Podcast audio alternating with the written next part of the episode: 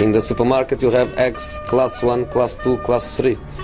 And some are more expensive than others and some give you better omelets. That's the wrong information. Wrong, wrong, wrong information. I didn't say that. That's the wrong information. Do you think I'm an idiot? Wrong, wrong, wrong information. Now look at me when I talk to you. Your job is to tell the truth. That's the wrong information.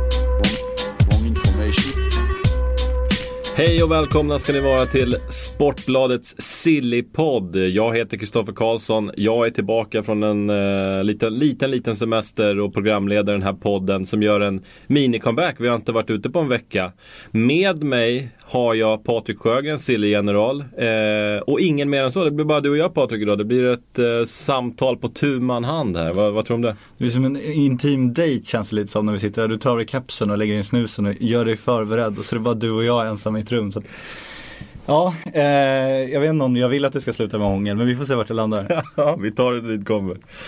Idag tänkte jag att vi testar ett eh, litet nytt koncept. Eh, I och med att vi eh, Ja, vi har bara en månad kvar på fönstret ungefär eh, och det börjar bli dags att kolla lite grann på vad, vad klubbarna har gjort för jobb. Om de har gjort ett bra jobb eller om de har gjort ett dåligt jobb. Så jag tänker helt sonika att vi går igenom värvningarna här.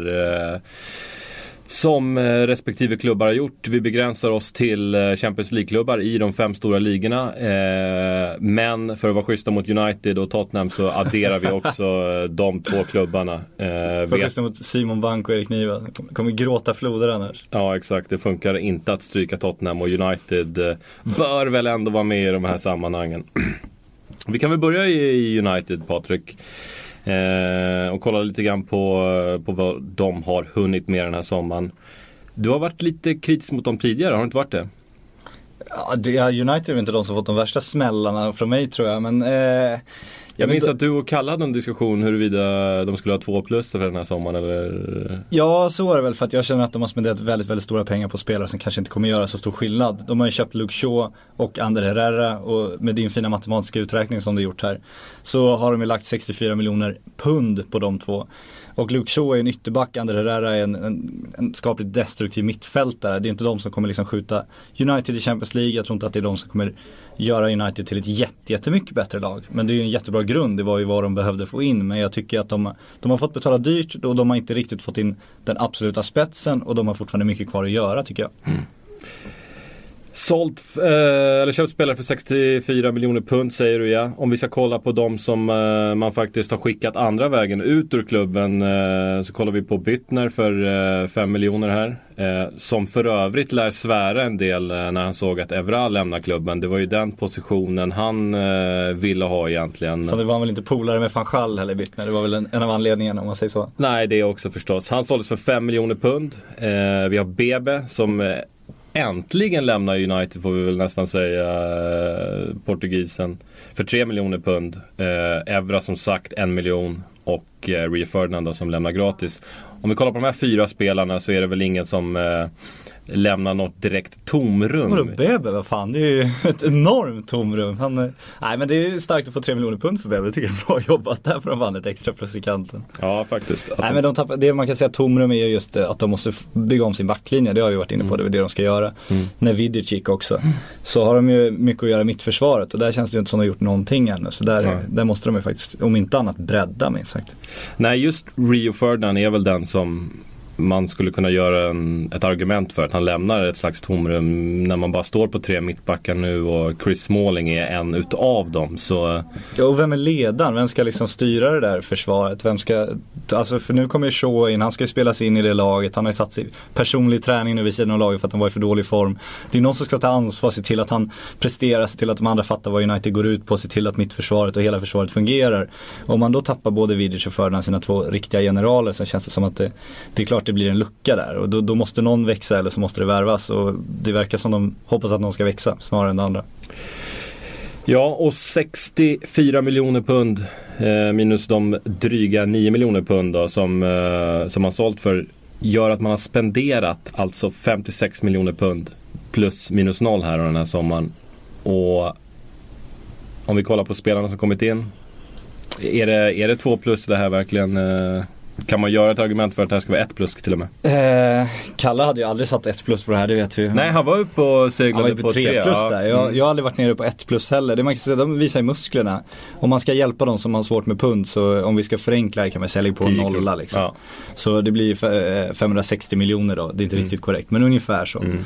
Eh, och det är ju mycket pengar spenderat tycker jag för om man ser till vad de fått in liksom. Det är klart Luke Shaw kan bli en bra investering på sikt men det är ändå en stor övergångssumma och han kommer inte göra det avtrycket direkt känns det som. Så jag landar på 2 plus för att jag tycker att de har inte tappat jätte- jättemycket ändå. Alltså 1 plus då måste du tydligt ha försvagat ditt lag. Mm. Det har de faktiskt inte gjort. Däremot har de ett, ett lika svagt lag som förra året ungefär. Kan jag tycka. För det vi kan konstatera är att Shaw kommer bli en eh, stor engelsk spelare. Eh, Herrera, bra värvning. Jag landar också Ja. någonstans i, i, i två plus här. Ja det, det, Men- det, det är liksom, Shaw enskilt är väl kanske en 4 plus värvning. Mm. Om man ser på sikt. Det här är ju en, 3 plus värvning skulle jag säga. Mm. Alltså bra som du säger. Men det gör ju inte att det, det totalt sett blir liksom 4 eller 3 plus för det. Ja, alltså in med en mittback så ser det ju betydligt mycket bättre ut här. Eh, nu är ju Hummels en dröm vet jag för United-fansen. Det är väl inte jättetroligt. Men... eh, Otroligt skulle jag kunna beskriva det som. mm, Även en mittback absolut och eh, den där centrala, någon slags kreatör. mm. En Marco Reus nästa år kanske. Och hålla tummarna för att van Persie håller sig frisk. Yes. Alright, om vi kollar på lokalrivalen då, City. Och just det, det ska vi nämna för er som lyssnar och kanske tänker Men namnen som ryktas in då? Jo, vi har, eh, vad hade vi här? 12 sidor med frågor. Så vi, vi, har, eh, vi kommer täcka precis alla rykten. Jag eh, häng med på genomgången Mm. så kommer, kommer alla rykten och lite annat godis. Och så kanske lite hångel i slutet. Får vi se. Mm. Om vi kollar på Manchester City då. De har värvat Fernando för eh, 13 miljoner pund. Willy Caballero för 7 miljoner pund. Succolini, en liten skrällvärvning för 2 miljoner pund. Och Sanja gra- gratis från Arsenal. Det är totalt 22 miljoner pund. Och det är en del spelare man har fått det. Man har fått en del spelare och man har liksom inte riktigt behövt så mycket spelare. Vi pratar United behöver spets, man brukar prata om att både Arsenal och Liverpool också behöver spets. City har redan spets. City behöver ju bygga vidare på sin trupp och utveckla den och få till bredden och det, det ser lovande ut minst sagt. Mm. Sen kan Sagna, ser, det kan ju man ju ifrågasätta vad fan de ska med honom till om man ska vara helt ärlig med varandra. Bredden som sagt. Jo, men Sabaleta, sen ska man ju Sagna som en dyr lönepost. Det känns som man borde vilja ta in en, en framtidsspelare istället. För mig sticker Fernando ut här. Mm. Jag gillar den värvningen. Speciellt med tanke på hu- hur eh, Yahya Touré betett sig eh, den senaste säsongen. Eh, han är ju som stöpt att kliva in i Yahys position där. Och bilda ett mittfältslås med Fernandinho. Och det mittfältslåset kommer gå ner i historieböckerna som ett av de eh, namnmässigt snyggaste. Fernando och Fernandinho. Så jag tror du skulle säga att det var det historiskt bästa nästan. Då. Nej, Nej, då hade jag tagit i lite. men han, är- det är klart att han kan ta Jajas position men han har inte riktigt Jajas, han kan inte vinna skytteligan som Jaja kan göra. Nej. Så att det, det är ett stort, stort steg ner i så fall. Men som breddspelare, alltså det är en riktigt bra spelare för 13 miljoner. Det pratades ju om betydligt större summor senast i januari. Så att på så sätt är det en, en kanonvärvning, ingen tvekan om det. Om vi kollar på de man släppt då. Man har faktiskt inte tjänat några pengar det här fönstret i City. Trots att man har släppt tre spelare. Det är Jolion Lescott, Gareth, Gareth Barry och Kostel Pantilimon. Pantelimion. Pon, Pantilimon. Ja, som alla lämnar gratis. Ja, det, det är väl ganska enkelt. Alltså Lescott och Barry hade inga platser. platser. Pantelimon eh, var ju trött på att vara reservmålvakt. Så det, jag gillar också att man man behöver liksom inte snika till sig några pengar för vissa på det sättet. Alltså spelar de inte så är det bara skicka. Jag tycker. Mm. Det är väl helt okej gjort. Vad tror vi om bytet Pantilimon Ville Caballero? Eh, de gör ju ett målvaktsbyte i det här fönstret. Absolut, det sätter ju ytterligare press på Joe Hart, ingen tvekan om det. Det var ju så, alltså Joe Hart skulle ju vara given första målet den här säsongen också, den föregående. Men så, så skakade han så mycket så att vår kärlek Pantelimon, alltså nu, nu får jag ju för mig att jag inte kan uttala det här. Vilket jag vet nu bara att vi har på oss här. Det var jag som satte igång det. Ja exakt, men att han fick ta över handskar, han kanske inte är så bra liksom. Caballero är definitivt så bra. Så att han kan eh, vara första målvakt i Premier League. Mm. Jag tycker fortfarande att Joe Hart är en bättre målvakt när han är som bäst. Så att jag är övertygad om att Joe Hart har, har första målvaktsplatsen när säsongen börjar. Men nu har de ju, som vi varit inne på tidigare också, de har ju en, en, en fullgod ersättare. Det är ju din favoritspelare i alla kategorier också. Mm. Och alltså i värvningarna så har de ganska bra spridning men det saknas ett anfallsnamn här och nu är Negredo skadad eh, ganska länge. Ja nej, men Negredo är inte skadad, han låtsas ju bara att han slipper bli såld, det vet man ju. Så han får behålla sin lön. Ja, det är Ingen tvekan fin om den lön saken. han har. Han, vänt, han väntar ut transferfönstret, sen kommer han vara frisk igen. Ja, nej men det kan man väl hålla med om. Och det visar ju också att Jaja vann skytteligan. Att du, du vill ju ofta ha en anfallare som du vet producerar oavsett. Mm. Har du en mittfältare som gör fler mål, det, det är jättehäftigt att ha en mittfältare men det visar också ofta att det, det finns en svaghet i anfallet. Mm. Jag Så tänker också kan- på Agüero som har varit skadad i perioder. Absolut, och som jag fick nya problem nu under VM. Så jag håller helt med dig där. Där finns det någonting att jobba på. Men i Citys position är också så känns det som så att de behöver liksom inte punga ut eh, en miljard för att få loss en världsanfallare utan de kan liksom sitta och, och leta efter möjligheter lite mer. Så Mm. att jag, jag håller med om att det finns en svaghet där. Samtidigt är det så otroligt få spelare som kan göra City bättre och ska den dyka upp så måste de antingen betala ett snuskigt överpris eller så ska möjligheten komma. Jag, känslan är att de väntar på möjlighet. Jag tycker ett namn som liksom rimmar ganska bra med City annars är eh, Cavani. Som inte Ja. alls eh, kopplas ihop med City. Men som jag ser det går att göra ett kap där. Jag tror inte PSG är liksom jättemåna om att behålla honom om de får liksom ett hyggligt pris för honom. Nej, det påstås ju till och med att PSG letar efter köpare till honom för att de ska kunna lösa Di Maria. För PSG har ju den problematiken att de har, har ju ett straff från Uefa nu där de liksom ska gå mer eller mindre liksom jämnt på sina försäljningar, sina köp. Så de måste ju sälja för att ha råd att köpa, vilket vi kommer att återkomma till med. Ja, med det- deras men jag håller med dig absolut, Cavani är, är ju en sån möjlighet. Absolut. Och om vi förutsätter att det inte blir några anfallsvärvningar i City. Har vi John Guidetti där som eh, kanske, kanske dröjer sig kvar i Citys trupp den här säsongen. Man älskar det här när vi skriver, det är klart vi ska skriva om det och det är klart folk ska bli glada när svenskar får spela försäsongsmatcher med stora europeiska lag. Ja, fick hoppa in i målfesten såg jag att det hette. Exakt och sen har ju både Liverpool och Arsenal luftat svenskar i försäsongen men då ska man ju veta att alla VM-spelare i stort sett har ju semester. Mm. Och då kan du ta bort hela A-truppen i de här klubbarna liksom. Så, att, så att, att de spelar försäsongsmatcher säger egentligen ingenting. Och eh, John Guidetti har en kanonlön i City och har ju ett A-lagskontrakt så att han ska ju tillhöra A-laget men jag är väldigt svårt att säga att han ska spela några matcher där. Ja, men det är ju frågan, går han på lån, säljs han eller blir han kvar i City? När det här fönstret är över. Problemet med John Den kan vi faktiskt ta nu för det, vi har inte fått några frågor om John den här veckan. Då, då kör vi det nu. Men problemet med John är just den lönen. Jag tror inte han bryter sitt kontrakt och letar efter en ny klubb för det skulle innebära en sån brutal lönesänkning. Jag tror att det är en av anledningarna till att han blivit utlånad gång på gång också. Inte bara att City vill ha, ha honom för framtiden utan också det här att det blir bättre för honom för att bli utlånad för då tar ju nya klubben en del av lönen och så får ju City täcka resten. Så han har lika hög lön när han spelar för den andra klubben som han spelar i City. Och därför tror jag att han, han nog snarare vill hitta ett lån och kanske få en möjlighet då när kontraktet så småningom löper ut. Ta, ta en, en köp, eller en summa man får då när man skriver kontrakt som free transfer och hitta en ny klubb då. En så kallad signing on bonus. Ja exakt. Så det, ca- cashen ska rulla in även till Bromma. Ja men som sagt, alltså jag, jag, jag Mike ska ha en ny bil. Ja exakt. Ja, men jag hittade den öppningen lite grann i Negredos skada där och Du tror på John? jag tror att det finns en chans, en liten chans, Ja. att han är kvar i City. Ja då tror jag att det beror på att han inte hittar någon annan klubb. Men du tror de liksom skulle kunna ha honom som, alltså så han är med i A-truppen, han reser borta matchen, han sitter där på bänken och är redo för inhopp. Löser de inte en anfallare det här fönstret innan det stänger. Negredo skadad. Agüero, kanske händer någonting med honom i början på säsongen. City, eller då, då har man inte mycket Ja. att jobba med. Ja. Vi går vidare. Eh, till Liverpool eh, som har varit minst sagt aktiva i det här fönstret. Eh, om vi kollar på det som har Vi kan faktiskt börja med det som man har sålt. För det, Ja, det det, det, det blir enklast så. Man har sålt Luis Suarez för 71 miljoner pund. Och ja det, det känns som att vi har avverkat den affären ganska rejält i den här podden. Bra, bra köp på Barca, bra försäljning i Liverpool, var tvungna att sälja, han ville inte vara kvar. Det, de lovade honom förra året, de skrev en klausul när han förlängde. Mm. Bam, bam, bam, bam. Ja, bra summerat. Tack. Och de pengarna då har man spenderat på ett sätt som eh, gör vissa Liverpool-supportrar lite oroliga. Ja. Eh, måste vi ändå säga. För om vi går igenom namnen här så har vi Adam L- La- Lallana. Lalana. Eller Lajana. Jag säger ju Lajana men det är tydligen, eh, jag blev länkad av någon lyssnare, eh, ett YouTube-klipp där han säger sitt eget namn. Ja. Så här, I'm Adam Lallana. blev jag besviken på honom. Jag tycker att han ska uttala med J. eh, Ja du, du tycker det? Du, Ja. du köper det alltså?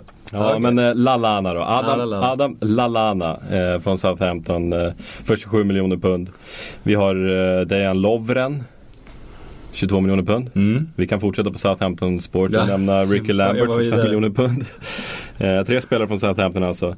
Men man har också knutit till sig Markovic, Lazar Markovic för 22 miljoner pund och Emre Can för 11 miljoner pund. Och ja, det är fem namn. Ehm, Jag får ju kritik för att jag är lite negativ mot Liverpool. Jag tycker nästan du ska inleda här. Vad tycker du? Vad tycker jag? Jag tycker Lambert, vad, vad kommer han göra för intryck, eller avtryck i Liverpool? Jag, eh, jag har svårt att se honom spela en stor roll i Liverpool. Bra, bra cover-up liksom. Eh, anfallare, hoppa in från bänken, absolut. Så kolla på Lazar Markovic. Alltså Vindsnabb, absolut. Men fortfarande ganska omogen i sitt spel. Jag tror han, vad är han, 21 år gammal? 20 kanske till och med. Han har mycket kvar att utveckla i sitt spel. Eh, och i Portugal så är han ju lite grann känd som en målsumpare. Alltså springer ju till sig chanser rejält men, eh, men har problem att hitta nätet helt enkelt. En Obafemi Martins när han slog igenom Inter, det var så jäkla roligt. Det är min favori, favoritgrej någonsin, att spela Champions League. Nu minns jag inte vilka de mötte men eh, han, han får liksom Jag har en kompis som gillar, håller på Inter då, så kommer han in, han bara, han är så jäkla bra, han är så snabb, det här kommer nu bli Mm. åka av liksom. Så Mm. får han bollen på kanten, bara sätter fart, drar ifrån en, drar ifrån två, min polare, man ser bara ställer sig upp, blir mer och mer euforisk. Och så trycker han till ett nytt tillslag och bara Femi och så löper han rakt ut över långlinjen bara. Och då har man inte mycket nytta av sin snabbhet. Nej det är ju så. Nej men Markovic eh, Markovic är en spelare som eh, står på tillväxt en eller två säsonger.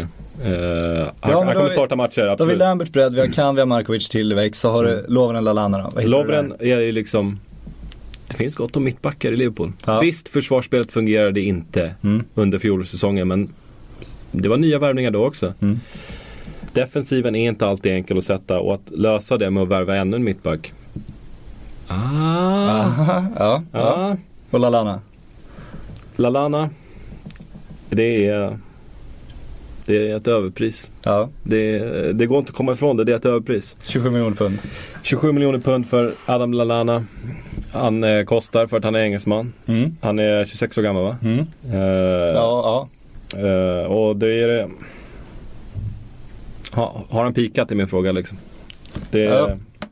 Jag är inne på samma, jag tycker Brennan Rodgers han pratade inför fönstret om att han behövde bredd framförallt för de ska spela Champions League, är en ny turnering. Och, Mm. och det ska infli- han ska ha en större trupp för han jämför med sina konkurrenter, de har mycket, mycket större trupp. Och det känns som att han stirrar sig fullständigt blind på det. För nu har han liksom han har ju bränt alla Suarez pengar. Mm. De är borta. Mm. Och då har han fått in, eh, Lalana har gjort en riktigt bra säsong. Markovic har gjort en riktigt bra säsong. Kan har gjort en halv riktigt bra säsong. Mm. Lovren stabil, Lambert stabil, båda breddspelare. Mm. Det finns ingen riktig spets, det finns ingen riktig pålitlig kille som du kan veta att han sätter in i laget och han kommer, han kommer lyfta det här laget. Han kommer liksom fylla en del av luckan efter Suarez. Eller han kommer liksom göra försvaret bättre eller han kommer Mm. bidra med kreativitet på mittfältet. Mm. Så jag tycker att det, det ser inte så jäkla roligt ut.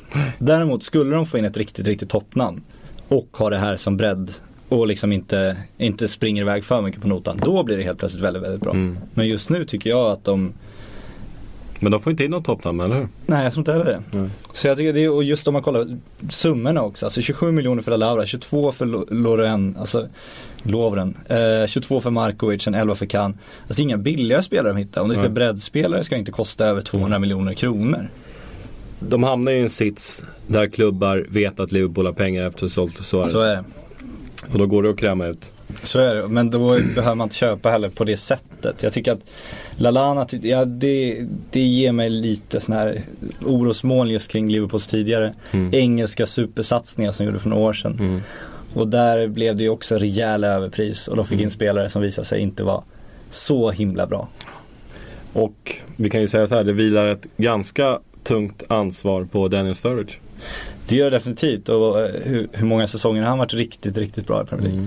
Mm. Och jag alltså, blev ju oerhört hjälpt förra säsongen genom att spela bredvid Luis Suarez. Så är det. Det Och, blir intressant att se hur han klarar att inte ha ligans bästa spelare bredvid sig. Ja, han kom in i ett lag som liksom var på uppgång, som var på gång. Nu har Liverpool fått liksom en, en rejäl käftsmäll i med Suarez-försäljningen. Och att han då ska, liksom, då ska han bli, bli anfallsstjärnan som ska liksom axla den manteln och lyfta det laget från den smällen. Det, det blir också sjukt intressant att se. Alltså Rodgers har ett stort jobb framför sig. Lyckas han med det här så är, så är, han jäkligt imponer- så är jag jäkligt imponerad. Och eh, det är klart det finns liksom, får han ut max av Lallana och Markovic och Kan, då kan det bli ett jäkla åka av framförallt på det mittfältet. Men, men det gäller ju att han får det och, och med tanke på att de inte har presterat över tid de här spelarna så eh, finns det ju såklart jättestora frågetecken för hur lätt det är för dem att kliva in i en ny klubb och prestera direkt. Och lägger man ihop de här uh, spelarförsäljningarna och spelarköpen så kan man konstatera att uh, plus minus noll är det 16 miljoner pund. Minus. Ja, Ja. Och det är, alltså, det är ju inte mycket att bränna 160 miljoner i ett fönster, det är ingenting. Nej. Så att de har ju gått plus minus noll. På så sätt är det bra gjort. mm. Att, Men är det en Champions League-satsning att spendera 16 miljoner pund? Jag tycker de har stirrat sig lite väl mycket blinda på bredden. De skulle ju behöva det där toppnamnet. Sen, man kan inte riktigt titta på summa för då måste man, är det en Champions League-satsning, de har ändå köpt för 710 miljoner. Så på så sätt är det en Champions League-satsning, klart Mm. är det. Bara att de har lyckats sälja väldigt, väldigt dyrt också, på så sätt är det ju bra. Så de har ju finansierat sin satsning. Så man kan ju inte kritisera dem för att de bara har bränt 160 miljoner. För de har ju ändå köpt för 710 miljoner. Så de har gjort det bra på så sätt. Mm. Eller köpt för 80, 870 miljoner menar jag. Ja nej, så jag, det är klart det är Champions League-satsning, det är det de gör. Men de har ju svårt som du säger också. Det, det är svårt att hitta det där toppnamnet, men de skulle behöva det. För att det ska vara riktigt, riktigt stort. Du måste ju sätta plus också, gjorde du det på City? Nej, vi börjar med Liverpool. Hur många Ja. plus? Två. Eh, ja, jag håller med två plus. De är, de är inte, de är ett sämre lag idag, men, men de kunde inte behålla Suarez. Det, får man, det kan man inte kräva av dem. Så godkänt. Mm. Och City. Jag lutar åt en trea. Jag håller med trea. Det Det, det saknas en anfallare. ja, jag håller med. De har inte gjort sitt lag så himla mycket bättre. De har också breddat liksom. Men Mm. de har ändå gjort det. De har absolut inte blivit sämre. De har bytt upp på målvaktsplatsen och eh, de har fått in en En bra, Mittfält. riktigt bra mittfältare Ja. till riktigt bra pris på båda två som man säger också. verkligen. Så tre plus då? Tre plus där. Tre plus på City. Okej, då går vi vidare till eh, London. Ja, Arsenal. Mm. Eh, den andra 50% av våra lyssnare. Hälften håller vi på Liverpool, hälften på Arsenal. Ja, det, det är väl något sånt. Sinnessjukt populära klubbar. Och där kan vi konstatera att Wenger öppnade plånboken. Ja, och fick den killen som jag tror att Liverpool nog borde ha köpt. Mm. Om vi säger så, Alexis Sanchez. Mm. Det må jag säga, om han vill ju till Arsenal eller han vill ju till London. Ja, fast det brukar man säga när man hittat en klubb. Mm. Det är klart man säger att man ville dit då. Mm. Jag tror garanterat att det handlar om, om vilka kronor och ören som landar i hans lönekonto där. Jag är Mm. tämligen övertygad om att det är det som avgör. Man har alltså köpt Sanchez för 33 miljoner pund. Man har köpt Callum Chambers, ännu en Southampton-spelare, som försvinner i den här massflykten för 18 miljoner pund. Man har köpt Mathieu Debussy för 13 miljoner pund från Newcastle. Och man har köpt en eh, hygglig målvaktsreserv vill jag säga, David Ospina, eh, colombianska VM-målvakten. För 4 miljoner pund. Om vi kollar på de värvningarna så kan vi ju jag tycker vi kan konstatera att Visst, man köper två högerbackar här men eh, det, eh, det är ju Debussy som ska spela högerback i det här laget. Callum Chambers blir någon slags eh, projekt för Wenger att- göra om. Eh, så på det sättet så tycker jag man, eh, man, man, man täcker många positioner här. Wenger, jag, jag gillar hur han tänker.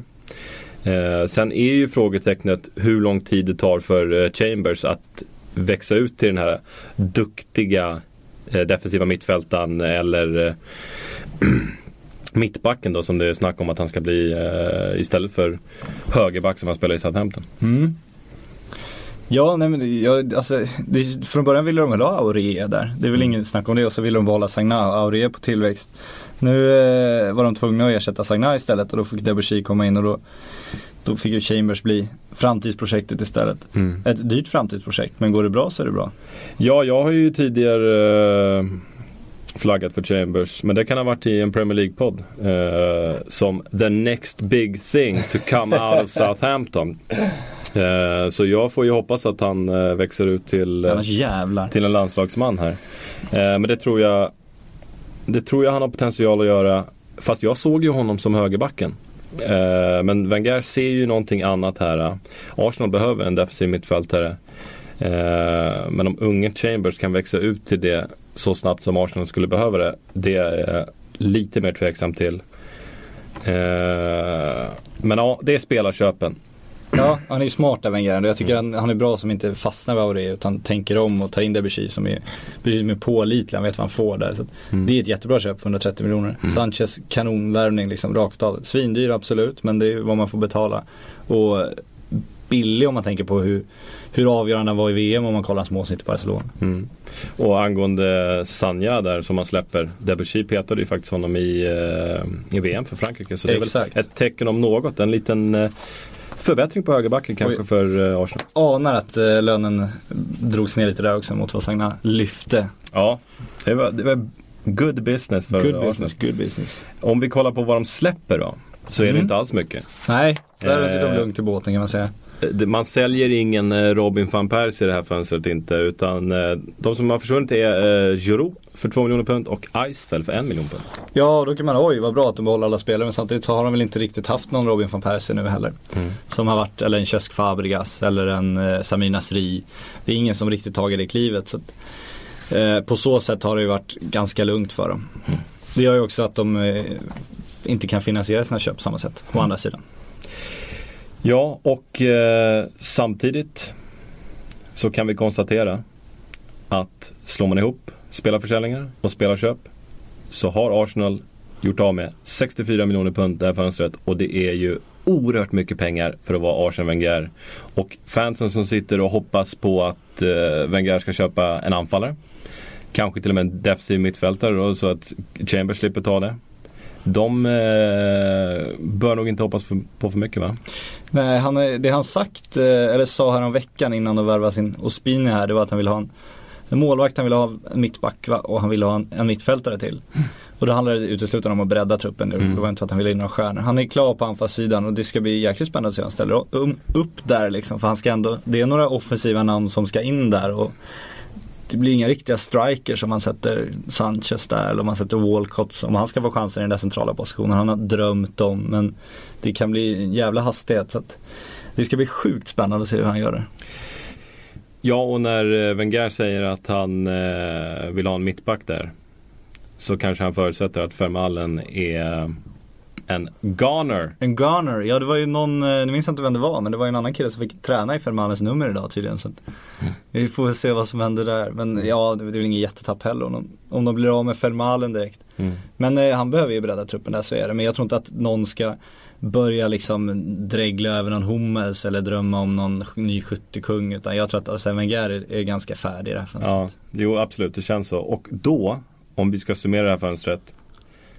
Vi lägger väl in en brasklapp för att Vermaelen sticker och han ersätts av något Så något, kan det vara, om det dyker upp någon supergrej sista dagarna så är Wenger alltid öppen för sånt. Ja. Kim Källström blir ledig igen. Jajamän. Så är han där.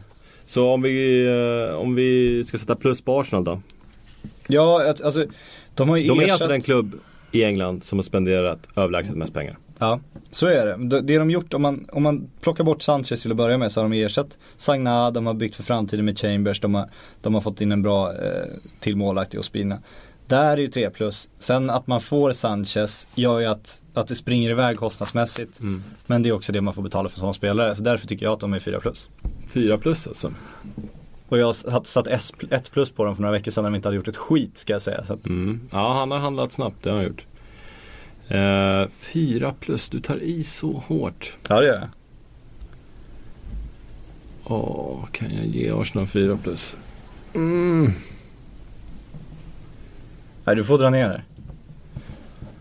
Vad landar du? Eh, Du är inte på 2 plus tänker jag. Nej, nej absolut inte. Jag är på en stark tre eller en svag trea. fyra. Ja, ja. Så, ja okej då. Fyra plus. Oj. Ja men då, jag känner mig alldeles för generös. Ja, här. men okej, ja. vi kör fyra plus. Men jag måste please, jag fick så mycket kritik förut när jag sänkte dem. Ja. Så nu måste jag höja dem lite extra Jag här. förstår. Så jämna ut det hela. Och nu kommer vi till ett i mitt tycke oerhört intressant lag.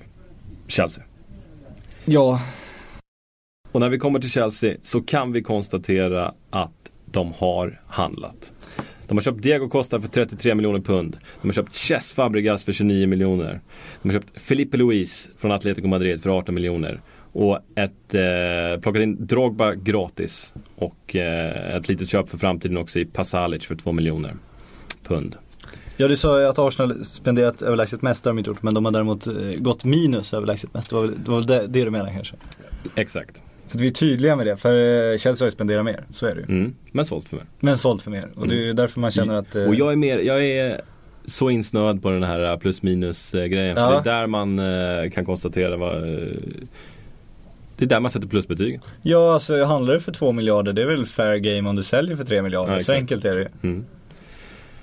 Så värde för pengarna då. Eh. Om vi börjar där. Ja. Chelsea behövde en anfallare och de har fått en Diego Costa. Vad säger du om det? Vad säger du om det? Jo men vi kollar ju på den här eh, guldskon som man räknar upp varje år. Poängen från de europeiska, europeiska ligorna och då var det liksom, det är Ronaldo, det är Messi, det är Diego Costa.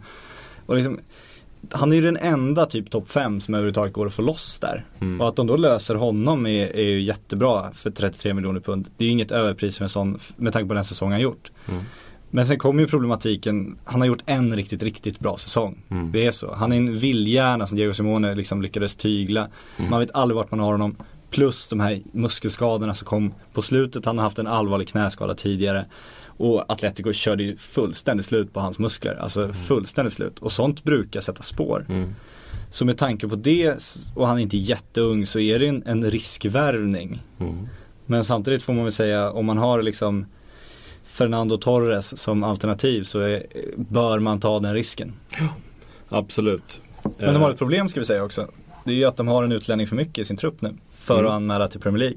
Vilket gör att de måste lasta av någon snart för att inte att någon ska tvingas liksom spela en säsong med reservlaget. Mm. Och det påstås att de är ute och liksom gör allt i sin makt nu för att hitta en, ny klubbadress till Fernando Torres. Mm. Och det kan väl bli Atletico Madrid.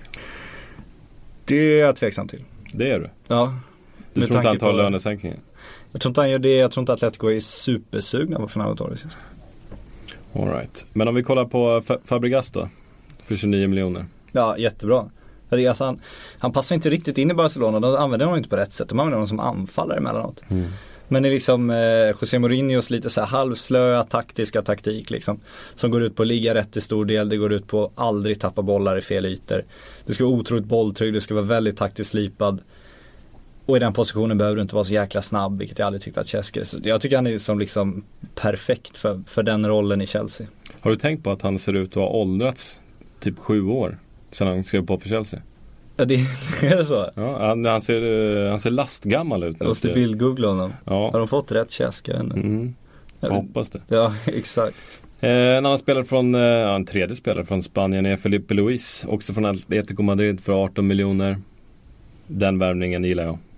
Ja. Varför det? Kollar man på vad han Jag tycker han var en av Atleticos absolut viktigaste spelare eh, Speciellt i Champions League Visade att han hör hemma på den scenen Och det är en eh, titel som, som Chelsea ska vinna Så eh, det, Jag tycker han passar hand i handske där Mm. eh, Drogba tillbaka Kan man väl säga vad man vill om Ja, jag tycker att det, det är lite pinsamt kan jag tycka. Ja, Jag tycker inte om när man drar hem gamla hjältar för vad de en gång var och inte riktigt för vad de är. Jag tycker inte han övertygat de senaste säsongerna, speciellt i Turkiet. Jag tycker inte han är, han, han är ju gammal nu, på riktigt gammal. Ska han då gå in och göra vad Eto'o gjorde förra året som någon slags här bara sitta där och sitta av en säsong och vara någon slags hjälte. Vad fan. Låt fansen ha de goda minnena. Låt liksom det var det som etsas kvar. Ta inte hem honom och liksom fyll någon slags stol där. Ta in en talang som du tror på. Ge honom chansen. Sluta låna ut honom till Vitesse utan sätt honom på bänken istället och lufta in honom emellanåt. Jag tycker det är fel roll att ha en sån gubbe på tycker jag. Ja, jag tyckte man såg det i eh, Champions League-matcherna där mot Chelsea förra säsongen att eh, han är inte den spelaren han en gång var. Och jag tyckte det blev tydligt även i VM för Elfenbenskusten där han blev en slags eh, en vikt för laget. Visst, Ja. han blev inbytt där och de gjorde två mål i match. Men när han sen fick starta så då, då dog ju Elfenbenskusten. Alltså det, det fanns ingenting framåt. Nej han var inte i form, han har varit skadedrabbad och, och, men de var tvungna att spela honom. Men brasklappen här är väl att han tar någon slags eh, roll i klubben efter det här ettårskontraktet. Det är väl det det pratas om men samtidigt så kan han väl kliva in i kontorsstolen redan nu då. Mm. Liksom. Jag tycker att ska man ha en kille som liksom får göra ett inhopp och göra, alltså okej man vet att Drogba kommer liksom han kommer inte göra bort sig men jag tycker att det känns bättre att ge en ung kille chansen och liksom ge lite speltid och jobba in honom. För när ska de annars liksom, en Lukaku där alltså. Det hade ju varit jätteintressant och kanske få lite större ansvar än Drogba kommer få. Men då väljer man istället att ta hem Drogba vilket ju är, det är märkligt tycker jag. Och Chelsea har kunnat spendera så här mycket pengar för att de har sålt det kanske dragit det här sillfönstrets stora jackpot eh, när vi kollar på, på deras första försäljning här, David Luiz. 43 miljoner pund, nästan en halv miljard kronor så, säljs han till PSG för och det är ju Ja, de skrattar sig lyckliga på kontoret i London skulle jag tro. Speciellt efter det vi fick se eh, av honom i Brasilien-VM. Ja, världens dyraste mittbackspar för Brasilien-VM. Släppte in flest mål hela turneringen. Mm. Ja, nej, det, vi, men nu pratar vi om Chelsea så 5 plus för den försäljningen. Ja. Det är ju super, super, det måste ju, alltså när det samtalet kom måste det varit dunderlyckliga för David Luiz var inte ens liksom, han var inte deras försvarsankare. Han var fick ju spela defensiv mittfältare, han var inte ordinarie i ett mittförsvar där. Och att då sälja en sån kille för liksom närmare en halv miljard med klausuler och grejer, det är ju helt eh, absurt. Mm. Och jag vill ju hävda, det här på fullaste allvar, att hade han inte haft sitt hår hade han inte varit här, värd så här mycket pengar. Du tror det? Jag är helt övertygad om det. Det gör honom till en uh, stjärna. Man ser honom, det gör honom till en profil. De kan, Mm. Dels får ju PSG användning av honom i marknadsmässiga grejer också. Mm. Vilket gör att det motiverar att man höjer priset också. Mm. Men det är klart att man ser ju den spelaren, han gör ju ett avtryck. Mm. Det är han man lägger till märke till på plan. Han har, Mm. Han, de, man säger ofta att han har lite så här vågad spelstil för att mittback kan göra lite galna saker. Jag tror också Mm. det beror på håret. Att du ser det, du får det, det intrycket att det där är en lite crazy kille liksom. Mm. Och han blir ju en favorit på det sättet. Så att, eh, en rakad David Luiz hade aldrig kostat en halv miljard. Nej, eh, och det är väl bara att applådera åt Chelsea som eh, utnyttjar PSG till maxen. Så är det och så måste vi uppmana alla allsvenska talanger att skaffa sig lite vildare frisyrer. Ja. Tveklöst. Sen har man också Chelsea lyckats få 5 miljoner pund för Dembaba och det får man väl eh, nästan också i alla fall en eh, golfapplåd eh, åt. Eh, eh, och sen har man skeppat iväg van Anholt för eh, 3 miljoner pund också. och lägger man ihop de här spelarförsäljningarna och de här spelarköpen då står Chelsea på minus 28 miljoner pund. Ja. Inte allt för mycket med tanke på de förstärkningar man har fått in. Gio Costa, Cesc Fabregas, Filippe Luis 280 miljoner minus. Ja. Eh, det är mer än en golfapplåd.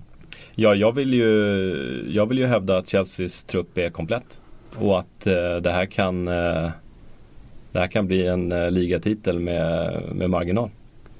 Eh, jag vill också hävda att Chelseas trupp är komplett. Jag, sen eh, om det räcker i ligan, det, det beror ju på hur de får in Diogo Costa, hur, vad som händer med musklerna, hur det går med målen. Hur Cesc Fabregas anpassar sig, vad som händer med Filippo Luis som byter klubb, land och liga, mycket sånt. Men eh, bara det vi har på pappret nu framför oss, de här som du så exemplariskt skrivit ut, Mm. eh, gör ju att det här är ju toppbetyg tycker jag. Mm. Fem plus. 5 plus. Fem plus. Är vi överens? Mm. Varsågod Chelsea. Eh, och då kommer vi till eh, Tottenham. Ja, Som har varit eh, lite mer eh, tystlåtna på marknaden eh, sina toppkonkurrenter. Eh, vi kan konstatera att man har köpt Ben Davis för 11 miljoner pund. Och Mikael Form säger man. ja det bör man göra, tysk va? Mm. Nej, holländare. Ja, holländare, men tyska. Tyska namn. Form. Ja. Eller om det är ett holländskt namn så är det Schorm ju. Ja, det kan du nog ha rätt Det är alltid. Ja, 5 miljoner för eh, den holländska tredje målvakten i alla Ja. fall. Eh, och ja, vad ska vi säga? Jag, det här tycker jag är bra gjort av Tottenham, på riktigt. Mm. För att de eh, överspenderade lite förra året efter att ha sålt Gareth Bale. De plockade in ett koppel av spelare, de har inte Mm. riktigt fått igång dem. Och vi var inne lite på det tidigare. Inför fönstret var min förhoppning att Tottenham inte skulle värva så mycket och inte skulle sälja så mycket. Utan verkligen ge de här spelarna de trodde Mm. på för ett år sedan chansen. Och verkligen på allvar liksom spela sig in i Premier League. Det kan ta ett år för vissa, det kan absolut göra det. Så att de sitter ju med en, en riktigt bra trupp tycker jag fortfarande. En trupp de tyckte var kanon för ett år sedan. Jag Mm. tycker fortfarande att de ska tro att den är kanon och verkligen ge dem chansen. Och det tycker jag att det ser ut som de gör. Och det tycker jag, det är svinbra. Bra jobbat. Jag håller med dig där faktiskt och vi ska konstatera att eh, de man tappat eller valt att eh, sälja är eh, Livermore som gör sin flytt till Hull permanent. Eh, Sigurdsson är väl den eh, spelaren som eh, figurerade under förra säsongen som försvinner nu för 9 miljoner. Och han vill ju bort liksom. Mm. Han känner inte att han har för mycket spel. Och sen så släpper man Gomes Hevrelio Gomes eh, gratis och formtar ju andra målvaktsplatsen där. Form. Nej jag skojar, det är form. Så ja, eh, tanken är ju här att eh, det här laget som köptes ihop eh, förra året ska äntligen ta det här steget. Ja, och jag tycker det, det är helt rätt satsning. Sen går det ju inte att ge dem 5 plus för ett fönster för det. Det går inte att ge dem 4 plus för ett fönster för det heller. Jag Jag tycker inte ens det går att ge dem 3 plus för ett fönster. Jag tycker man kan ge dem 2 plus för det de gjort. För Mm. de har inte gjort så mycket. Men jag tycker att de är rätt. Nej, lägger man ihop spelarförsäljningarna och spelarköpen så blir det ganska, ganska plus minus noll. Man, Ja. man, är, man är plus 2 miljoner pund. Ja. Eh, och då, ja, man, man tar ett aktivt beslut och eh, köra vidare på sin trupp. Ja. Eh, sen kanske man skulle kunna säga, ja, bra gjort eh, av Tottenham att inte tappa ja. spelare. Men samtidigt, vilka skulle man ha tappat efter den säsongen man gör? Ser du, de har inte presterat. Och de sitter ju på bra löner efter Mm. den förhandlingen. De kostade mycket pengar. Så det går inte att sälja dem heller. Nej, så det du är nog rätt ute med 2 plus där. Du håller med om det? Ja, Oj, ja. det gör jag. Men då ska vi säga det, 2 plus är ju godkänt. Det är, Mm. Folk har ju fått för sig att det är nära underkänt. Så är det inte. 2 plus är godkänt. 1 Två plus underkänt, godkänt. 3 är Det bra. är viktigt att komma ihåg. Så är det. Eh, då är vi klara med England. Oj, herregud vad tiden eh, rinner iväg. Ja, vi speedar på ja, vi ska öka takten.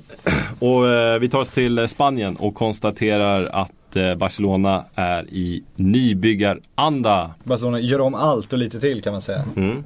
Ska vi riva av namn lite snabbt bara? Ja, för fan. In, Suarez 71 miljoner. Mathieu, denna härliga breddback från Valencia. 18 miljoner. Ivan Rakitic 16. Ter Stegen, målvakten 11. Bravo, också målvakt 11. Tar du ut? Ut. Man säljer Alexis Sanchez för 33 miljoner. Man säljer Fabregas för 29 miljoner pund. Man säljer Kirkic för 4 miljoner pund till Stoke. Oj, oj, oj. Eh, Giovanni Dos Santos lämnar till slut klubben för 2 miljoner pund. Valdes lämnar gratis. Eh, det gör även Cuenca. Eh, och ja, men vi börjar att kolla på värvningarna här. Suarez är ju, har vi redan konstaterat, ett bra köp. Men så kommer vi till Mathieu. Ja, de skulle ha en mittback ju. Så enkelt är det. Det här är ju inte mittbacken Barcelona sök. Det här är ju inte Carles Pujols ersättare. Det här är inte Gerard Piqués nya dunderkompanjon. Det här är en bänkspelare. Vi har skrikit efter en mittback till Barcelona. Och vi får en eh, 30-åring. Ja. Som eh, själv har sagt att han helst lirar eh, ytterback. Ja. Och han kostar alltså drygt 200 miljoner kronor. Det är för mig ett sanslöst överpris. Och det, är, det får mig nästan att tänka ni borde inte ens ha värvat en back där fast ni borde ha fortsatt eh, vägra mittbackar. Och det är ju desperation. Mm. Så. Och jag tror också att de, han passar väl in på den här mallen. Jag tror att han sökte mittback som kan spela ytterback också. Mm. Det känns som det är på Jollmallen liksom, att det var det de skulle ha. Sen, sen spelar de blint sig på honom och så har de insett att de har ju aldrig någonsin lyckats värva mittback i hela sin jäkla klubbhistoria känns det som. Mm. Så att eh, det blev han och det är inte okej. Där, där kan man ju tänka också att det finns Alltså han kostar någonting- mer än Ivan Rakitic, kom igen nu. Ja, jag, Han kostar det- mer än Ter Stegen. Ja. Men mer än Rakitic alltså, Europa League-kungen från i fjol. Man kan ju också tänka att klubbar som sitter på en bra mittback, Barcelona är intresserade, de vet om att de kan kräma pengar av Barcelona. På grund av behovet av en mittback. Ja, Valencia upp, Ja. fattar ju uppenbarligen det. Exakt. Att, Och när du kollar på större klubbar då Ja. med ännu större mittbackar så har ju överpriserna varit ännu högre förmodligen. Och därför landar man i en Mathieu för ett överpris. ja, de var väl riktig i eh, David Luiz. Och det gjorde de ju rätt som backade ur den, det kan Mm. man ju säga. Men de måste ju kunna lösa en annan mittback. Dels så borde de ju definitivt hugga Thiago Silva från början. Det är ingen snack om det. Sen borde de, om de verkligen försökt, fått loss Marquinhos nu. I Mm. början av fönstret. Mm. Innan de sålde Alex. Eh, så att, eh, det, det är inte bra Barcelona, där ser det inte bra ut. Men det man kan säga om man ska vara lite mer positiv. Inför fönstret då sa vi att de behövde en målvakt, de behövde en mittback. Eh, de behövde en mittfältare och de behövde en jättebra anfallare. Mm. Kanske, det var Mm. inte det största behovet. Men så de har ju fått in en, en dunderspelare i Luis Suarez. De har fått in en, en av världens mest lovande mitt, eller mittback, målvakter i Ter Stegen. De har fått in en ny backup i Bravo. Och de har fått in en, en riktigt, riktigt bra mittfältare som kan ligan, kan spelet, kan allting i Rakitic. Mm. Där är det kanon. Det är ju den där mittbacken. Mm. Och spelarförlusterna då, för som sagt det byggs om ordentligt. Sanchez, ja, det kanske var dags att släppa honom. Fabregas, ja det var dags att släppa honom. Kirkic dos Santos behöver vi inte kommentera. Eh, och Valdes som, eh, precis som Pinto, lämnar klubben. Intressant att man byter två målvakter på en och samma gång. Det är inte ofta eh, man, man ser det. Eh, så Men där tycker jag att det är bra också. Alltså, jag, jag tycker verkligen det var dags att släppa Sanchez. Han gjorde jättebra förra säsongen. Det känns lite som han pikade och han gjorde ett bra VM nu. Fick ett bra marknadsvärde. De fick inte jätte, jättebra betalt men, men bra betalt för liksom, för, som öppnar för, för den renovering de gör. Och du måste ju släppa någon för att liksom få in de pengarna som behövs för att bygga om ditt lag. Mm. Och du måste liksom vi har det här uttrycket journalistik, kill your darling. Det är verkligen så. Alltså döda, du måste döda dina älsklingar ibland. Och du måste skicka en, en Sanchez och inse att det inte blev Alltså att du- behöver de pengarna mer än du behöver honom. Framförallt om du får in Luis Suarez. Herregud, det finns ingen plats för Sanchez. Och framförallt Fabregas, du måste ge upp den drömmen att han skulle liksom erövra Barcelona, sin hemstad, sin födelseort, sin moderklubb och inse att det här, det här går inte. Det är dags att liksom släppa den drömmen. Så jag, där tycker jag de har gjort bra. Försäljningen tycker jag ser väldigt bra ut. Och jag tycker att de har gjort bra värvningar. Suarez är dyr absolut, men det är han absolut värd. Frågan är ju, sen ska de få ihop det med Messi och Neymar, men det, det ser vi ju inte på pappret framför oss som sagt. nej. Men, mittbacken, herregud. Mm. Ja det är Nej, underbetyg. Eh, Summering. Summering. Plus. Barcelona har spenderat sanslösa 125 miljoner pund, drygt 1,4 miljarder kronor. Ja.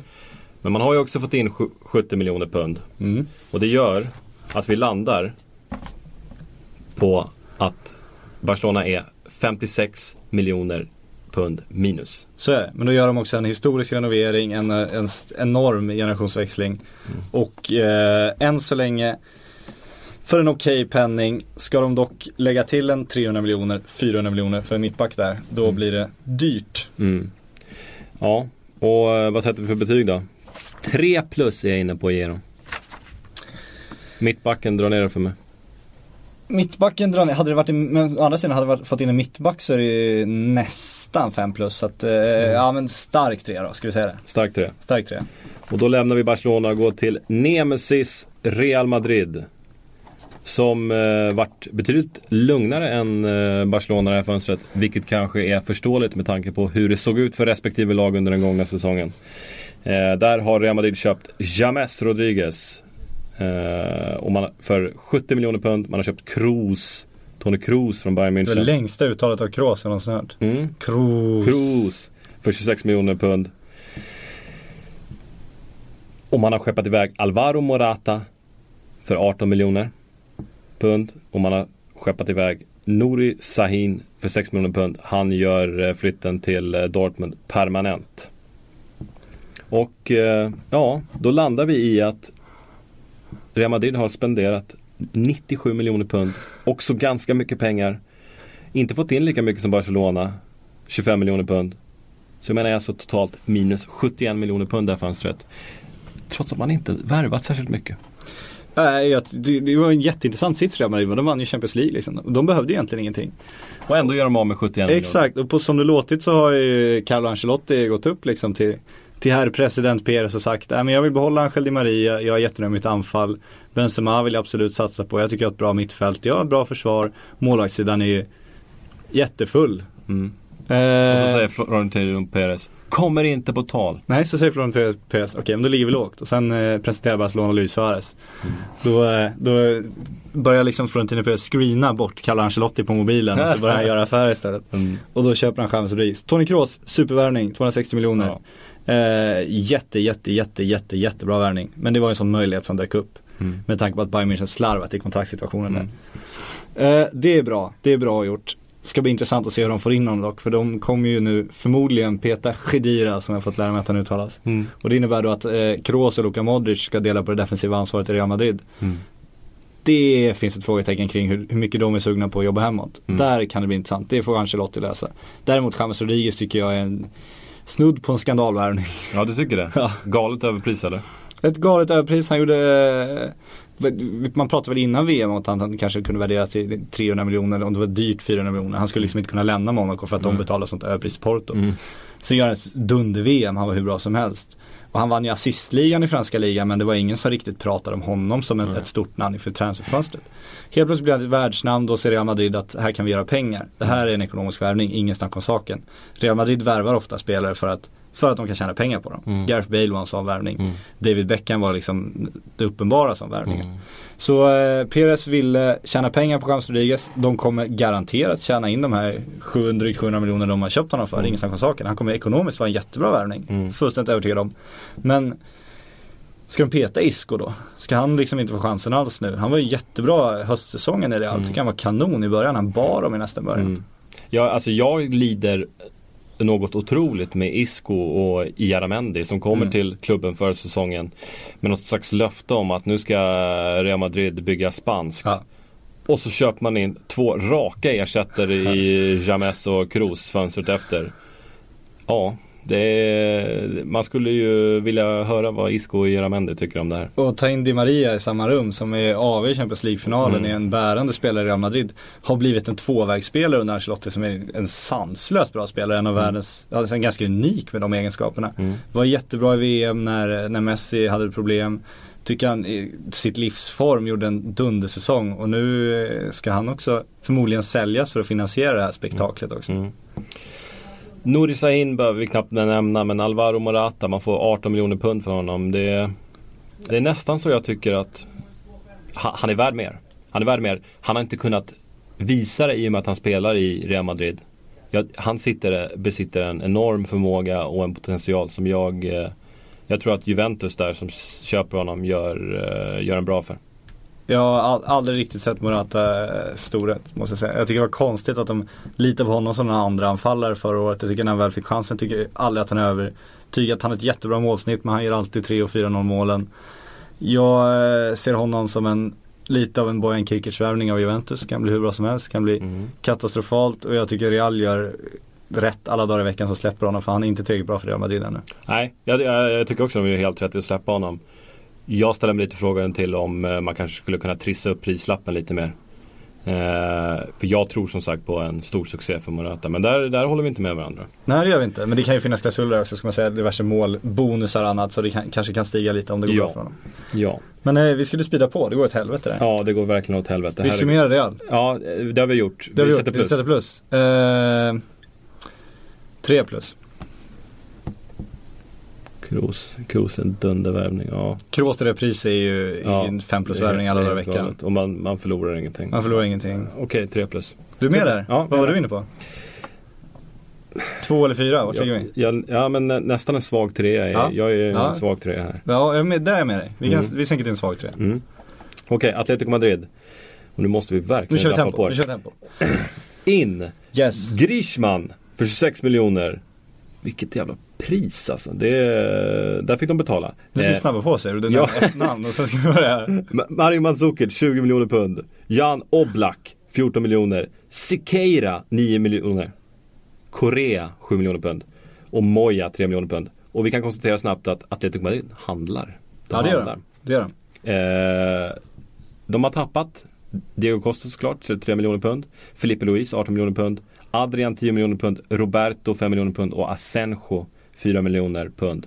Men jag kollar på alla de här namnen och konstaterar eller ställer frågan till dig. Vem hade trott att Atletico Madrid skulle ha ett bättre lag till nästa säsong än vad de hade under den gångna? För jag tycker det här är ett bättre lag. Jag tycker inte det är ett bättre lag för att de inte har visat att de kan prestera i Atletico ännu. Men jag hade aldrig någonsin i min vildas fantasi inför det här fönstret trott att Atletico Madrid skulle värva Griezmann och Mandzukic. Nej. Jag trodde aldrig de skulle ha en chans på de spelarna. Den är orimlig. Alltså Griezmann för mig Ja. här går PSG be- bet på en stor spelare för framtiden här. Fransk, fransman. Jag, jag, jag förstår inte varför inte PSG köper Griezmann. Och det är bara gratta Atletico Madrid till Griezmann. För det är en spelare som kommer växa något otroligt. Mar- Mario Mandzukic var ju liksom Han hade ju kunnat fylla vilket anfallarhål som helst. Liverpool. Exakt, Mandzukic var ju verkligen klippt och skuren för ett antal lag i Premier League. Ett Arsenal, Mm. Liverpool. Fick ju Arsenal Sanchez istället. Men han skulle ju definitivt till någon sån klubb. Mm. Och att Atletico då löser honom är ju Nej, det, det, det är bara att ställa sig upp och applådera. Jag tycker det är grymt bra. Och Mm. då kan man ju säga, ja men de tappar Diego Costa, de tappar Filipe Luis, de tappar Adrian. Mm. Ja, men de kunde inte behålla Diego Costa. De förlorar inte, alltså Filipe Luis kanonspelare absolut, men inte den bärande. Då är det bättre för dem att ta in de pengarna för att kunna ta in en Griezmann och Mm. Mandzukic. Och, Nej, det är sinnessjukt bra gjort. Jag tror det, med tanke på förutsättningarna, Atletico Madrid är ingen storklubb, Atletico Madrid är lite av ett, de, de gjorde en jätte, jättebra för, säsong men för spelarna är de ändå inte det där tunga namnet. Och då lyckas med det här är sinnessjukt bra. Mm. Och kollar vi på försäljningar slash köp så går de nästan plus minus noll här faktiskt. Eh, De spenderar lite mer än vad de får in. eh, Landar på minus 8 miljoner pund. Ja. Och det, ja, det är bara att applådera det också. Jag vill ge Atletico Madrid 5 plus. Just för att ingen trodde att det här var möjligt. Just för att Atletico Madrid var ett lag som skulle bli sönder, sönderköpt. Det var liksom inställningen överallt. Och det skulle liksom, det skulle inte gå att upprepa någonting. Men det här laget kommer kunna utmana om i toppen nästa säsong. Där håller jag med om 5 plus. Det jag lite frågat till det är just det här att Atletico har haft som rutin att sälja en stor stjärna varje år för att betala av sitt lån. Alltså de är enormt skuldsatta, de är fortfarande nästan på randen till konkurs. Det gör att jag gärna skulle sett att, att de kanske hade fått loss lite mer pengar och lägga på det också. Det gör att man kan ifrågasätta vad som kommer hända nästa år om det inte går fullt lika bra. Men om man stirrar, stirrar på vad de fått in, alltså Grishman och Mandzukic så eh, eh, ja, jag ska inte säga emot 5 plus. Jag, vi, vi, jag ger dig den. Och vi sa ju som sagt att vi skulle gå igenom alla Champions League-klara lag. Eh, då kommer vi till Bilbao. Men Det det, går lite fortare, men det går väldigt, väldigt fort. För Ja. de har köpt en spelare, Vigeira, för eh, en miljon pund. Ja. Eh, och så sålt förstås Herrera för 32 miljoner pund. Det gör att man har gått plus någonting massivt. Men som sagt, eh, den spelare man eh, värvar av Vigera är ju eh, bask. Eh, Ja, det bör han vara. Ja, och det är det, det är inte så att eh, Atletico, eller Atletico, Bilbao, Atletic Bilbao smäller av eh, massa stjärnvärvningar och sånt där. Så det ska man ha klart för sig. Därför händer ingenting i, eh, i Bilbao. Nej och Herrera 32 miljoner pund, det bra utköpsklausulen. Jag tycker att det är ett, ett eh, duktigt överpris måste jag säga. Jag tycker att det är en svinbra försäljning och det är en anledning. Mm. Så att eh, bra gjort på så sätt. Och de, som du säger, de, de måste ju värva. Basker. Så att det blir svårt där. Gör det svårare för dem. Ja. Eh, knep ju den sista Champions League-platsen. Ja. Med Herrera borta. Blir svårare. Svårare men de kunde inte. Nej. Men Det är svårt att sätta plus avtal. på Bilbao. För Ja. de jobbar ju under så svåra för, för, Så är det, men herregud det är ju mer än godkänt att du får, in, Får får, mycket så pengar. mycket betalt. Så jag tycker 3 plus i alla fall. Det är bra gjort. 3 plus. 3 plus Bilbao. Och då är vi klara i Spanien. Då kommer vi till eh, Italien. Italien. Med samma höga tempo kör vi. Ja, och eh, eh, då ska sägas också att eh, när man kollar över spelare in och ut i italienska klubbar eh, så är det ungefär fyra A4-sidor med spelare som återvänder från lån. Eh, de spelarna nämner vi inte här. Vi nämner köp eh, och i vissa fall lån när de är lite smått sexiga. Ja. Eh, så vi börjar med Juventus. Man har alltså köpt Alvaro Morata för 18 miljoner pund. Man har köpt Storaro för 5 miljoner. Marone 4 miljoner. Evra 1 miljon pund. Pascato 1 miljon pund. Sörensen 1 miljon. Och eh, bredd. Champions League-bredd. Ja, inte så mycket framtid kan vi tycka med Evra och så Morata är ett framtidsnamn. Men jag, jag tycker att det är ett ganska dyrt pris på Morata. Jag håller inte med dig alls där. Så att, och jag tycker inte att det kändes som de behövde verkligen få in en anfallare som de visste att de kunde lita på. Jag tycker inte att TV är så övertygad. Jag tycker liksom att de har haft de problemen. Det tycker jag inte att de har lyckats med. Ja. Och försäljningar då. Immobile går för 7 miljoner pund. Eh, Vucinic lämnar också eh, för 5 miljoner pund. Peluso lämnar för 4 miljoner. Quagliarella för 3 miljoner. Ja, sexiga namn men eh, de har nog gjort sitt lite också. Mm. Och då kan vi konstatera att Juventus har gått back 12 miljoner pund det här fönstret. Och mycket ligger ju på Morata. Så är det. Och ska, man, ska vi gå direkt på betyget så tycker jag inte att de har förbättrat sin trupp så avsevärt. Det, alltså spetsmässigt tycker jag inte att de har gjort det. Jag tycker Nej. inte att de har bäddat för framtiden så himla mycket heller. Nej. Samtidigt så kan jag inte se att de har försvagat så mycket. Nej. Just i det här läget så ser det ut att vara Det ser ut att vara ganska plus minus noll. Ja, och därför tycker jag att det är ett godkänt. Ja. En 2 plus. Mm. Sen ska vi lägga in brasklappar för vad som hände med Vidal till exempel. Så är det, fast samtidigt så tycker jag, jag, jag tror att Vidal stannar, känslan är det. Det var det de senast var ute och sa idag. Och om de säljer honom kommer de få galet bra betalt, utgår jag ifrån. Men chilenska El Mercurio säger ju idag att spelarna är överens, muntligt överens med United. Mm, det kan, det kan ha från El Mercurio. Jag vet ingenting om El Mercurio. Så att, Så än så länge sitter jag lugnt i båten. Det är en eh, stabil tidning eh, i Santiago. Du vet allt om den, nära kontakt. Ja. Du gjorde din praktik där va? Ja, jag har varit där två Ja, veckor. det. det var en snabb, snabb resa fram och tillbaka. Eh, vi går vidare till Napoli och konstaterar att eh, man har köpt Koulibaly för 6 miljoner pund, man har köpt Andujar 2 miljoner och här kommer en sån här sexig spelare Mm, Man plockar in eh, Mitcho på lån. Ja det är bra att låna in en sån kille, absolut. Mm. Jag är lite förvånad när den kom. Samtidigt är det väl en utköpsklausul men det, ja. Ja. men det är bra gjort. Mm. Ut, det är inte mycket. Man eh, släpper Desi, man släpper Crispini och Cannavaro gratis. Eh, man tar in Gamberini för ja, 200 000 pund, drygt 2 miljoner kronor. Då. Eh, och man lånar, man lånar ut, eller Gamberini säljs förstås. Ja. Och man lånar ut El Kadori. Var han sexig och därför hade med honom? Eh, ja, han, han, han, han, kan passera precis tröskeln för att vara sexig. Ja, så är det bra. Det är bra namn. Eh, Okej, och då kan vi konstatera att man har Man har inte fått in så mycket pengar. Nej, Eh. man har inte spenderat jättemycket pengar heller. Nej, man landar på det man har spenderat i princip. Eh, 8 miljoner pund. Ja. Och eh, vadå, Mitchell bra affär, Koulibaly ska bli spännande att se. Ingen jätteförbättring, inte den stor satsning som tidigare men de har samtidigt inte sålt någon spelare till PSG i år heller. Nej. Eh, jag vill säga alltså man, Jag vill nästan säga 3 plus ändå alltså. 3 plus. Ja, jag är med. De har, Mm. de har inte tappat någon. 3 Nej. plus. 3 plus. Vi är generösa där. Ja.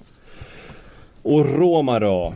Som har tagit in Iturbe för 19 miljoner. Här är en klubb som faktiskt spenderar lite pengar. Ja.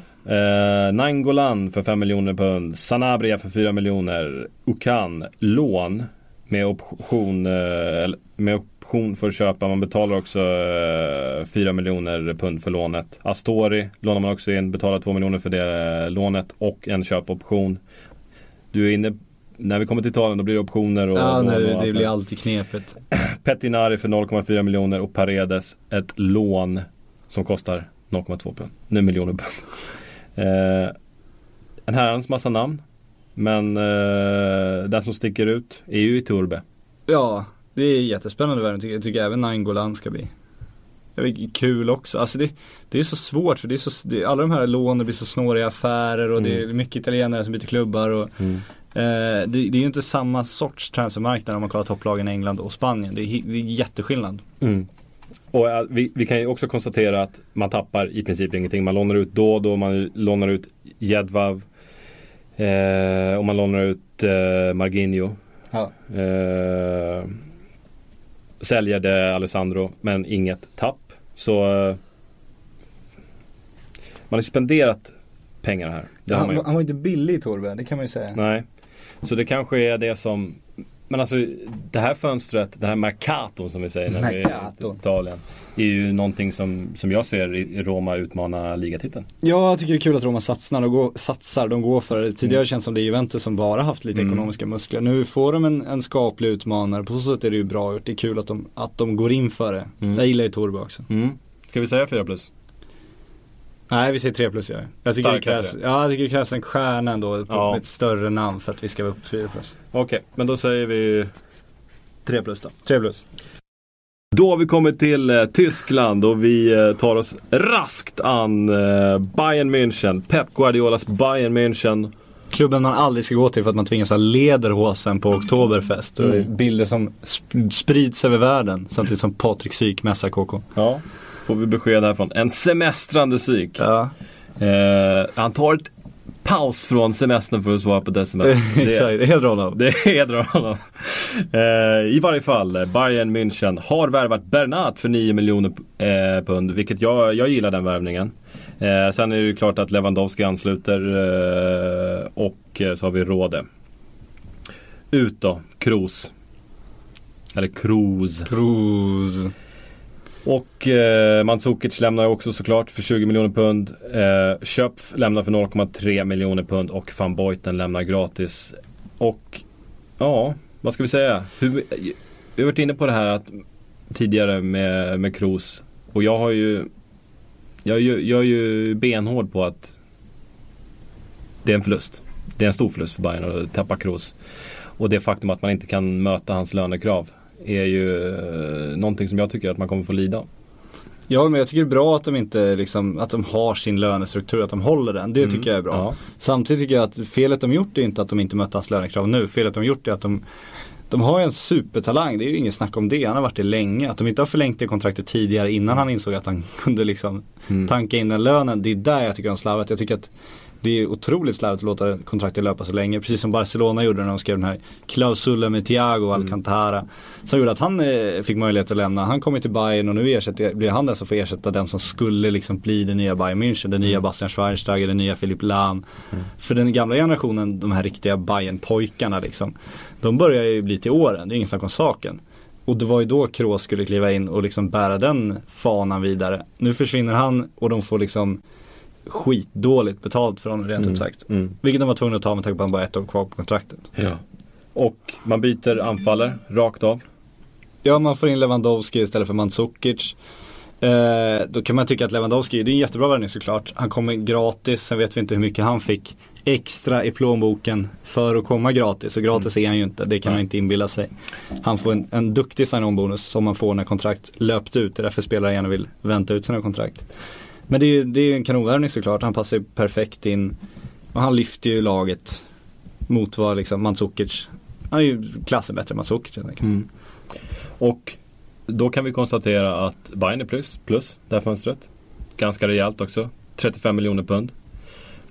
Det jag efterlyser är en mittback.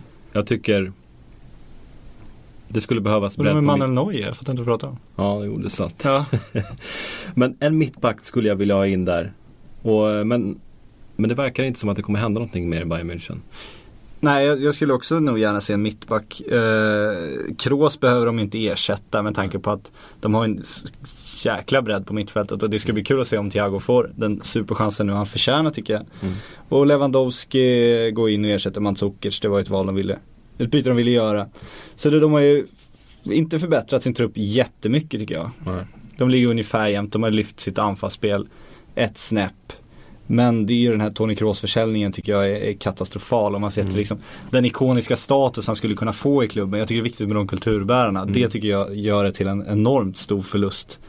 Om man bortser bara från hans kvaliteter som spelare så tycker jag att det, bara det gör det väldigt, väldigt illa. Så om vi ska summera då. Landar vi på 3 plus då eller? Med Lewandowski. Eller är det 2 plus till och med? För mig, eh, jag skulle sätta två plus med tanke på att de slarvat bort Tony Kroos på det sättet. Du kan inte värva en sån spelare, en sån kulturbärare, en sån profil för klubben. Det går inte att köpa för pengar. Sådana måste man hålla hårt i. Därför tycker jag, därför kan inte jag säga att de har gjort ett bra fönster. Nej. 2 plus. Två plus. Bernat. Mm. Okej, då går vi vidare till Dortmund. Ja! Och här har det handlat... Jag gillar att prata i tyska nu, liksom ta i med lite kraftuttryck. Jag vet inte varför. Mm. Men eh, där har det i alla fall värvats lite grann. Det kan man säga. Immobile är det stora namnet som ansluter. Han kommer eh, för 17 miljoner pund. Ginter för 9 miljoner. Ramos för 8. Nouri Sahin gör flytten permanent som sagt för 6 miljoner pund. Och Dongwon ansluter gratis. Bra namn. Mm, starkt namn. Eh, ut Lewandowski som sagt. Eh, Friedrich lämnar gratis. Schieber köper man in för 2 miljoner pund. Bortsett från Lewandowski så tappar man ingenting. Nej, och folk har, liksom, det kommer rykten fortfarande. Han ska ersätta Lewandowski. Jag tror att Ramos ska ersätta Lewandowski. Mm. Eh, han gjorde väl en bra säsong förra säsongen och liksom visat sig vara en stabil målskytt i, i Bundesliga. Eh, så på så sätt, det är den typen av spelare Dortmund kan värva också. De kan ju värva spelare med inte riktigt det där toppryktet och sen göra dem till världsstjärnor. Mm. De kan inte ta från den yttersta toppen. När, när vi ändå är på eh, Dortmund och snackar om den absoluta toppen så måste vi nämna Klaus Strandberg. Ja, herregud. Hjälp, hjälp, vad gör du Carlos? Ja, jag, jag är så irriterad på svenska talanger som går för tidigt. Jag tycker, alltså, om du är Carlos Strandberg, du har gjort en halv säsong i Häcken. Du är inte ordinarie i anfallet. Du är 18 år liksom, du har spelat U17 VM för Sverige precis. Varför går du till Borussia Dortmund? Alltså du kommer ju inte vara Lewandowskis ersättare. Du kommer inte få hoppa in, du kommer inte få spela A-lag, du kommer inte ens liksom tillhöra A-truppen. Du kommer ju bli ett utvecklingsnamn bland 60 andra som de hoppas att få fram kanske tre ifrån. Och jag förstår inte hur man kan tro att man får en bättre utveckling liksom i ett tyskt reservlag än i en svensk toppliga. Jag tycker att det är konstigt. Om han tycker att allsvenskan är för dålig, gå till liksom ett, en klubb där du kan få A-lagsfotboll i en bättre liga då. Gå inte till en av världens bästa klubbar där du inte har en suck på världskartan och får en chans i A-lagen. Här är jag ju inte lika hård som dig. Nej. Jag Jag kollar på det faktum att Borussia Dortmunds ungdomsarbete är otroligt väl genomfört. Och att de är benägna att lyfta upp unga spelare. Och det har vi sett ex exempel på många gånger. Och jag utesluter inte att Carlos Strandberg gör ett inhopp i slutet på den här säsongen. Och jag eh, utesluter, utesluter definitivt inte att han kommer göra sporadiska inhopp under nästa säsong. Just det faktum att, att de ser någonting i Carlos och de värvar honom. Det tycker jag när, när det kommer till Dortmund så talar det för sig självt. Det är en sak när Arsenal gör det, det är en sak när Chelsea gör det. Men när Borussia Dortmund gör det, då väger det lite tyngre tror jag. Och jag är hoppfull för eh, Carlos framtid i Borussia Dortmund. Men där tycker vi helt olika. Helt olika. Jag tror mer på att man ska flytta utomlands när man erövrat allsvenskan. Eller ännu tidigare. Ska du bli ungdomsproffs så ska du ju vara 14 år kanske, 15 mm. år. Du ska inte vara 18 år och liksom, när du är 18 år ska du spela A-lagsfotboll. Mm. Kolla på liksom stora talanger som slagit igenom, de riktigt, riktigt stora spelarna. De spelar inte ett reservlag när de är 18 år. När du är 18 år så är du senior. Då ska du ju vara i A-laget, du ska ju minst sitta på bänken. Jag, jag kan ju medge att det är bråttom för Carlos. Och få de här inhoppen och få visa vad han går för.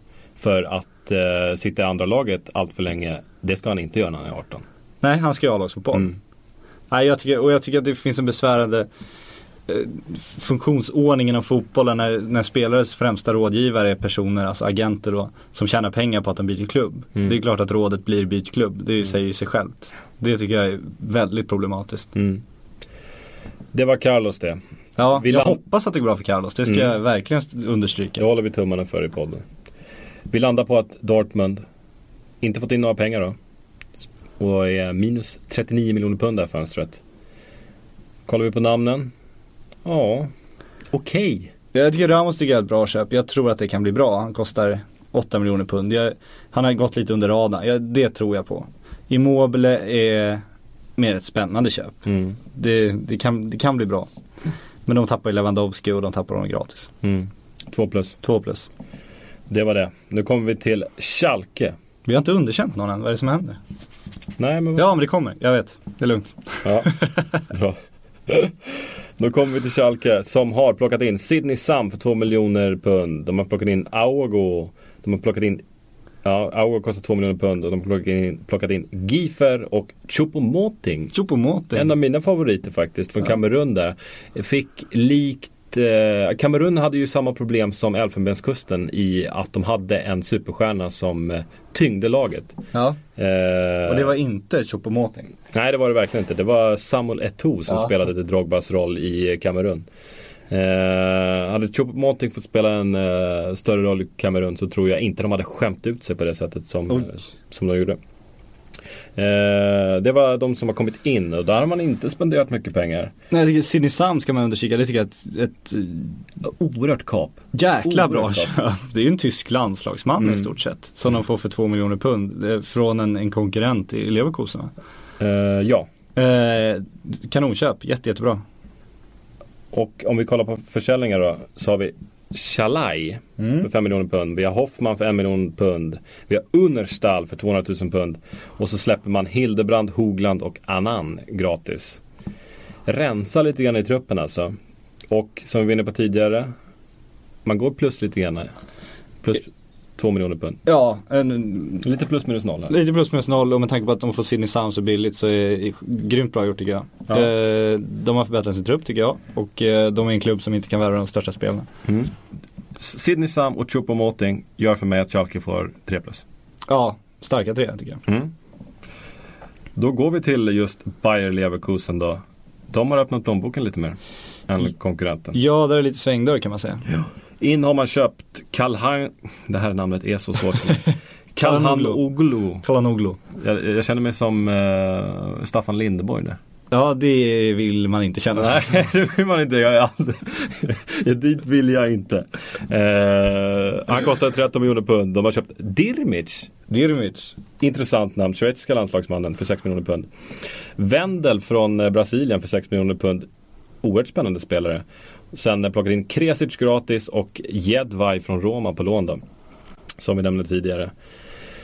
Eh, Emre Can har sålts till Liverpool som vi sa tidigare för 1 miljoner pund. Man har sålt Fernandes för 2 miljoner pund och eh, Cindy Sam då för 2 miljoner. Hegler för 1 miljon pund. Och ja, vi landar i att de är minus 10 miljoner pund det här fönstret. Och kollar vi på Dirmic, kollar vi på Wendell och Kalanoglu så tycker jag att vi landar i ett ganska bra betyg här också.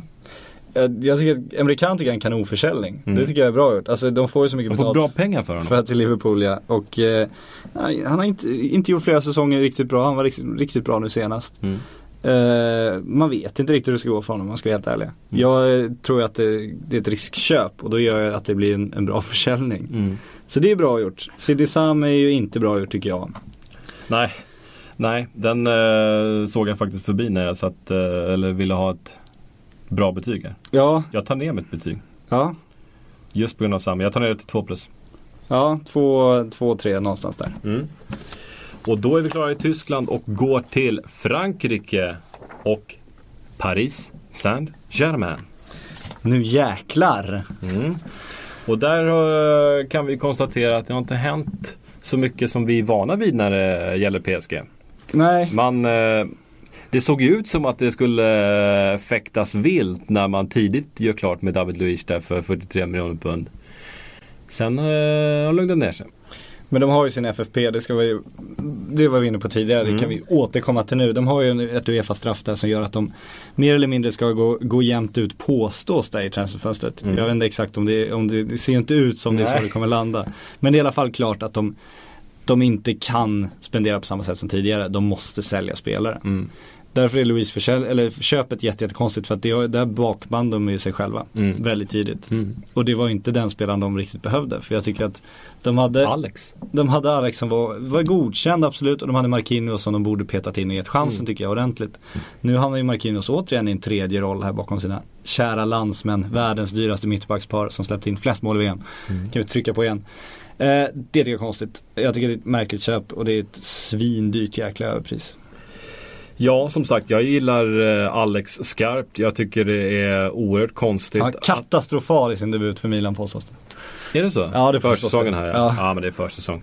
Eh, jag är oerhört frågande till eh, varför inte Alex fick ett tvåårskontrakt, kanske, eh, kanske ett ettårskontrakt. Jag vill slussa in Marquinhos på allvar. Exakt. Ja. Exakt. Marquinhos har ju istället blivit liksom en följetong där fönstret och det har varit oerhört oroligt. Ska han Ja. till Barcelona eller inte?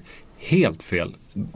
Det, det är jag oförstående till. Istället så kastar man eh, 43 miljoner pund i sjön på David Luiz. Ja. Eh, oerhört konstigt. Jalé, en av mina favoriter, släpper man nästan gratis.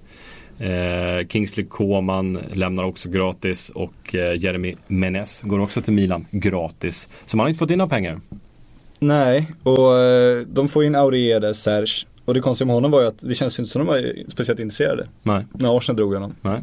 Sen eh, gjorde han det bra VM, Arsenal riktade om sitt sikte, då tog de in Aurier på lån påstås det då. Men det beror nog på de här FFP, för då kan de ju använda den köpesumman som de kommer, kommer köpa honom nästa sommar istället. Och då kan de sluta på det transferfönstret istället, vilket gör att de får, får mer rörelsefrihet det här transferfönstret. Ett sätt att komma runt det. Vilket det påstås att de eventuellt skulle göra då de köper Di Maria också. Det påstås att det är så de förhandlar med Real. Att de då ska låna honom ett år för, och sen köpa honom nästa år. För då att blåsa Uefa och göra straffet fullständigt verkningslöst. Ja. Så, så eh, det är liksom den st- största kuppen under det här fönstret får man kalla det för. Jävligt snuskigt fult gjort. Mm. Uefa borde ju slå ner mot PSG med en gång kan man tycka. Ja, och frågan är om inte Jalé där eh, som blir ersatt av är, var li- lite dödsdömd när, eh, när det här fönstret öppnade sig. Det var han nog. Jag gillar Jalé också. Kanske för att han är så jäkla snabb på Fifa, vilket vi spelar på redaktioner. Där han, en av mina favoritspelare. Men, eh, men det är klart, Jalé, alltså Aurier istället för Jal- Jalé är ju ett, är ju ett bra, en bra byte liksom. Det går inte att säga något. Jag gillar Aurier som fasen. Han är otroligt offensiv. Vi Ja, det jag, jag, jag tror ju här, eh, tråkig som jag är, att PSG blir lidande defensivt. Jag menar, Jalé är en oerhört hårt arbetande Mm. ytterback som hjälper till oerhört mycket i defensiven. PSG har varit starkare defensivt under säsongen. Och nu förlorar man Jalé. Man får in Aurier, visst spännande offensivt men eh, frågetecken bakåt. Och så eh, kryddar du det med David Luiz med lite så här eh, brytningar upp i halva plan. Så så tror jag PSG kan släppa in lite mål den här säsongen. Jag tror samtidigt har jag tyckt förra säsongen att de borde ha unnat sig ha lite mer offensiva ytterbackar med tanke på att de har haft ett ganska defensivt centralt mittfält. Mm. Vilket jag tyckte att de gjort att de borde kunna sjunka med det i försvaret istället och släppa upp sina ytterbackar. Mm. Jag hoppas att det är det de ska göra nu med Aureus, att vi får se liksom honom och sen kanske få Digné chansen på andra kanten till sist. Mm. Då tror jag att det kan bli lite spännande, det är det jag vill att de ska göra. Sen får vi se om det blir så. Och det skulle ju kunna öppna för att de kanske kan spela Marquinhos i mittback och skicka upp David Luiz på mittfältet. Det hade ju Mm. nästan varit det bästa. Ja, faktiskt.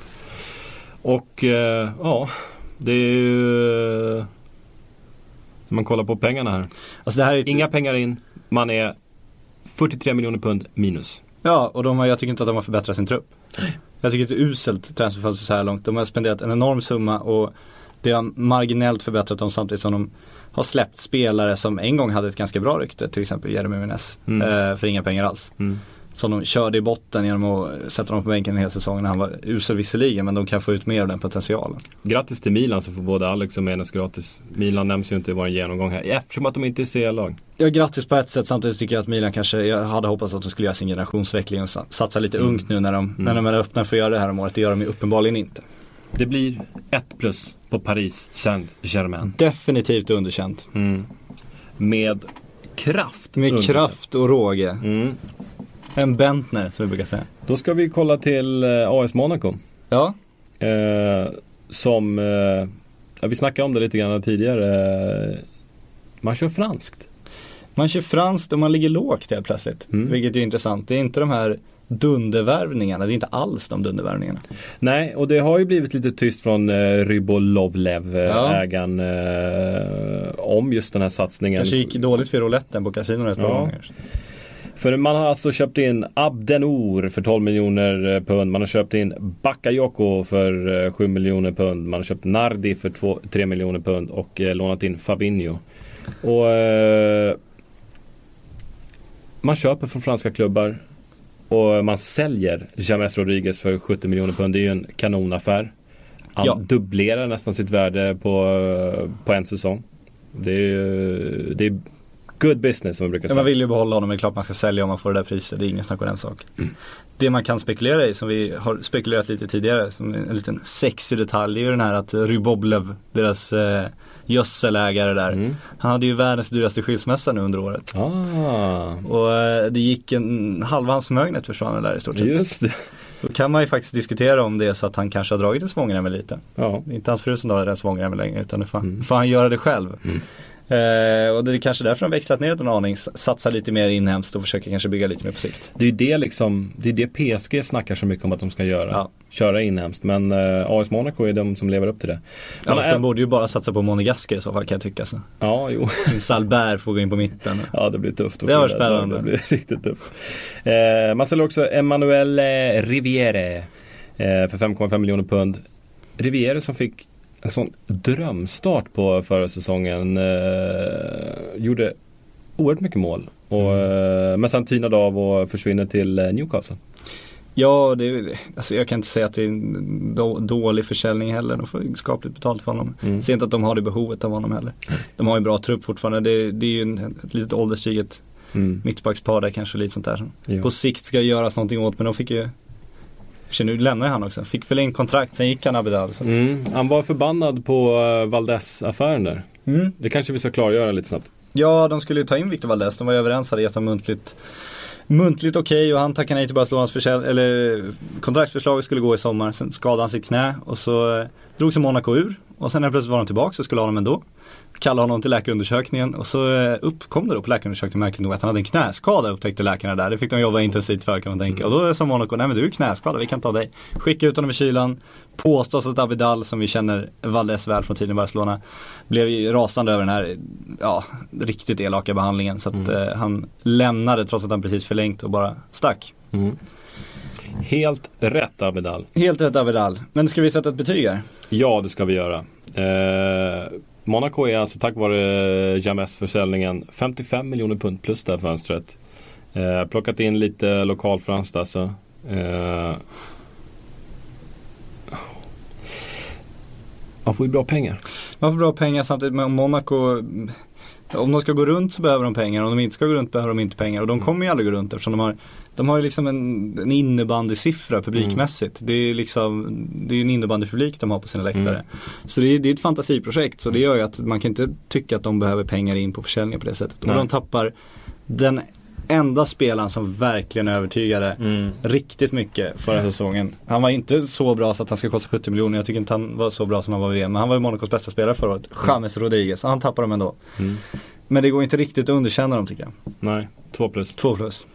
Då kommer vi till Lill. Det här kommer gå fort. Det här kommer gå För er som tycker att det här var segt. Det här kommer gå oerhört fort. Eh, Lill köper Cortia för 1,5 miljoner pund. Ja. Vilka säljer de då Sjögren? De säljer, så har du dragit ett streck här på det här pappret. Mm. De säljer ingen överhuvudtaget. Nej. Pengar in, 0 miljoner pund. Pengar ut, 1,5 miljoner pund. Han... Eh, händelsefattigt va? Det kan man säga. Lill som kniper eh, sista spelplatsen eh, och satsar på att behålla truppen och eh, förlitar sig på den när man eh, ska slåss i eh, Champions League. Eh, det går väl att säga vad man vill om. Ja det är väl bra gjort. Alltså eh, det är klart, har man nått Champions League så är ju målet att behålla truppen. Det, risken är ju alltid att bli sönderköpt. mm. Och eh, kan man behålla sin trupp och liksom överpresterat lite lill, då, är- då är det kanongjort. Så. Mm. 3 plus. 3 plus, bra gjort. Då är vi klara med den här genomgången eh, och då ska vi ta oss an lite läsarfrågor. Vi tar upp de här 12 sidorna läsarfrågor. Det är rätt. Och det är ert fel att vi gjorde den här genomgången. För när vi inte hade något avsnitt förra säsongen så lovade vi ett, ett matigt jäkla avsnitt nu. Mm. Och det här är ta mig fan matigt. Rekordlångt. Ja. Och nu tar vi oss an läsarfrågorna. Jävla bunt du har. Då tänker jag att vi börjar med en fråga från Aurafi. Han undrar Hur nära är egentligen Di Maria PSG? Är det fortfarande ett spel om högre lön i Real? Ja, det det kändes ju så. Eh, Eftersom han gjort en så bra säsong. Man tyckte verkligen att de borde vilja behålla honom. Och Ancelotti vill ju behålla honom. Det tycker inte jag att det är någon tvekan om. Nu när de tog in James så finns det ju plötsligt ett behov i Real av att finansiera det köpet såklart. Och där passar ju Di Maria in eftersom James förmodligen kommer peta Di Maria. Mm. Märkligt nog kan jag tycka. Eh, så att på så sätt tror jag att Real vill att Di Maria ska gå till PSG. Mm. PSG vill absolut ha Di Maria, det tror jag också. De behöver ju en ny Lavezzi där ute som är, och Di Maria betydligt större kvalitet än honom. Kanonaffär på så sätt. Mm. Problemet är ju det här FFP-straffet och problemet hur de ska lösa ekonomiskt. Om Real skulle låna ut honom och sen PSG köper honom nästa år. Det blir väldigt tydligt från Reals sida att de är med på att blåsa Uefa då också och deltar i det spelet. Jag vet inte hur sugna de är på att smutsa ner sitt rykte med det. Alltså jag, jag förstår ju att Ancelotti vill ha kvar Di Maria. Eh, som i princip vann Champions League åt Real Madrid. Eh, otroligt viktig. Och jag tycker att det blir Visst, Real Madrid är en klubb där Florentino Perez bestämmer.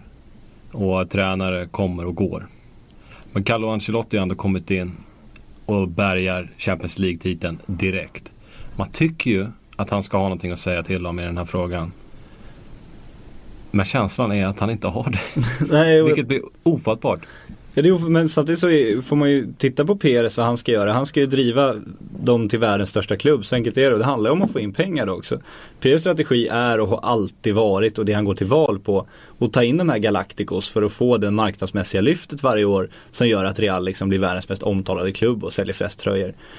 Di Maria säljer inte så många tröjor. Di Maria är, trots att han är en briljant spelare, inte den stjärnan. Han har inte David Luiz-håret liksom. Han har inte Ronaldos utstrålning. Han har, han har liksom inte de kvaliteterna och han kommer från ett land där det finns betydligt större fotbollsspelare. Det gör att det är svårt för Real att göra pengar på Di Maria. De har betydligt lättare att göra pengar på James Rodriguez. Det gör att det blir, det är liksom det, är det som ligger Di Maria i fatet. Mm. En fråga från Sami Wallberg. Han undrar, vad tror ni om framtiden för Iheanacho och Succulini i City? Ny värvningsstrategi gällande Succulini? Frågetecken.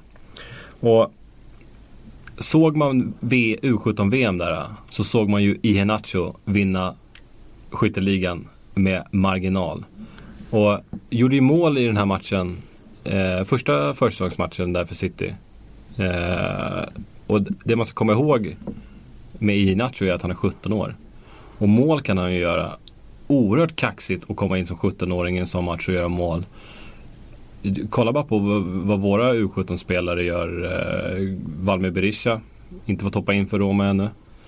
Eh, och, för han var ju vår målkung liksom. Iheanacho, han får stå på tillväxt i och med att han spelar i ett city och bara är 17 år. Men lovar gott.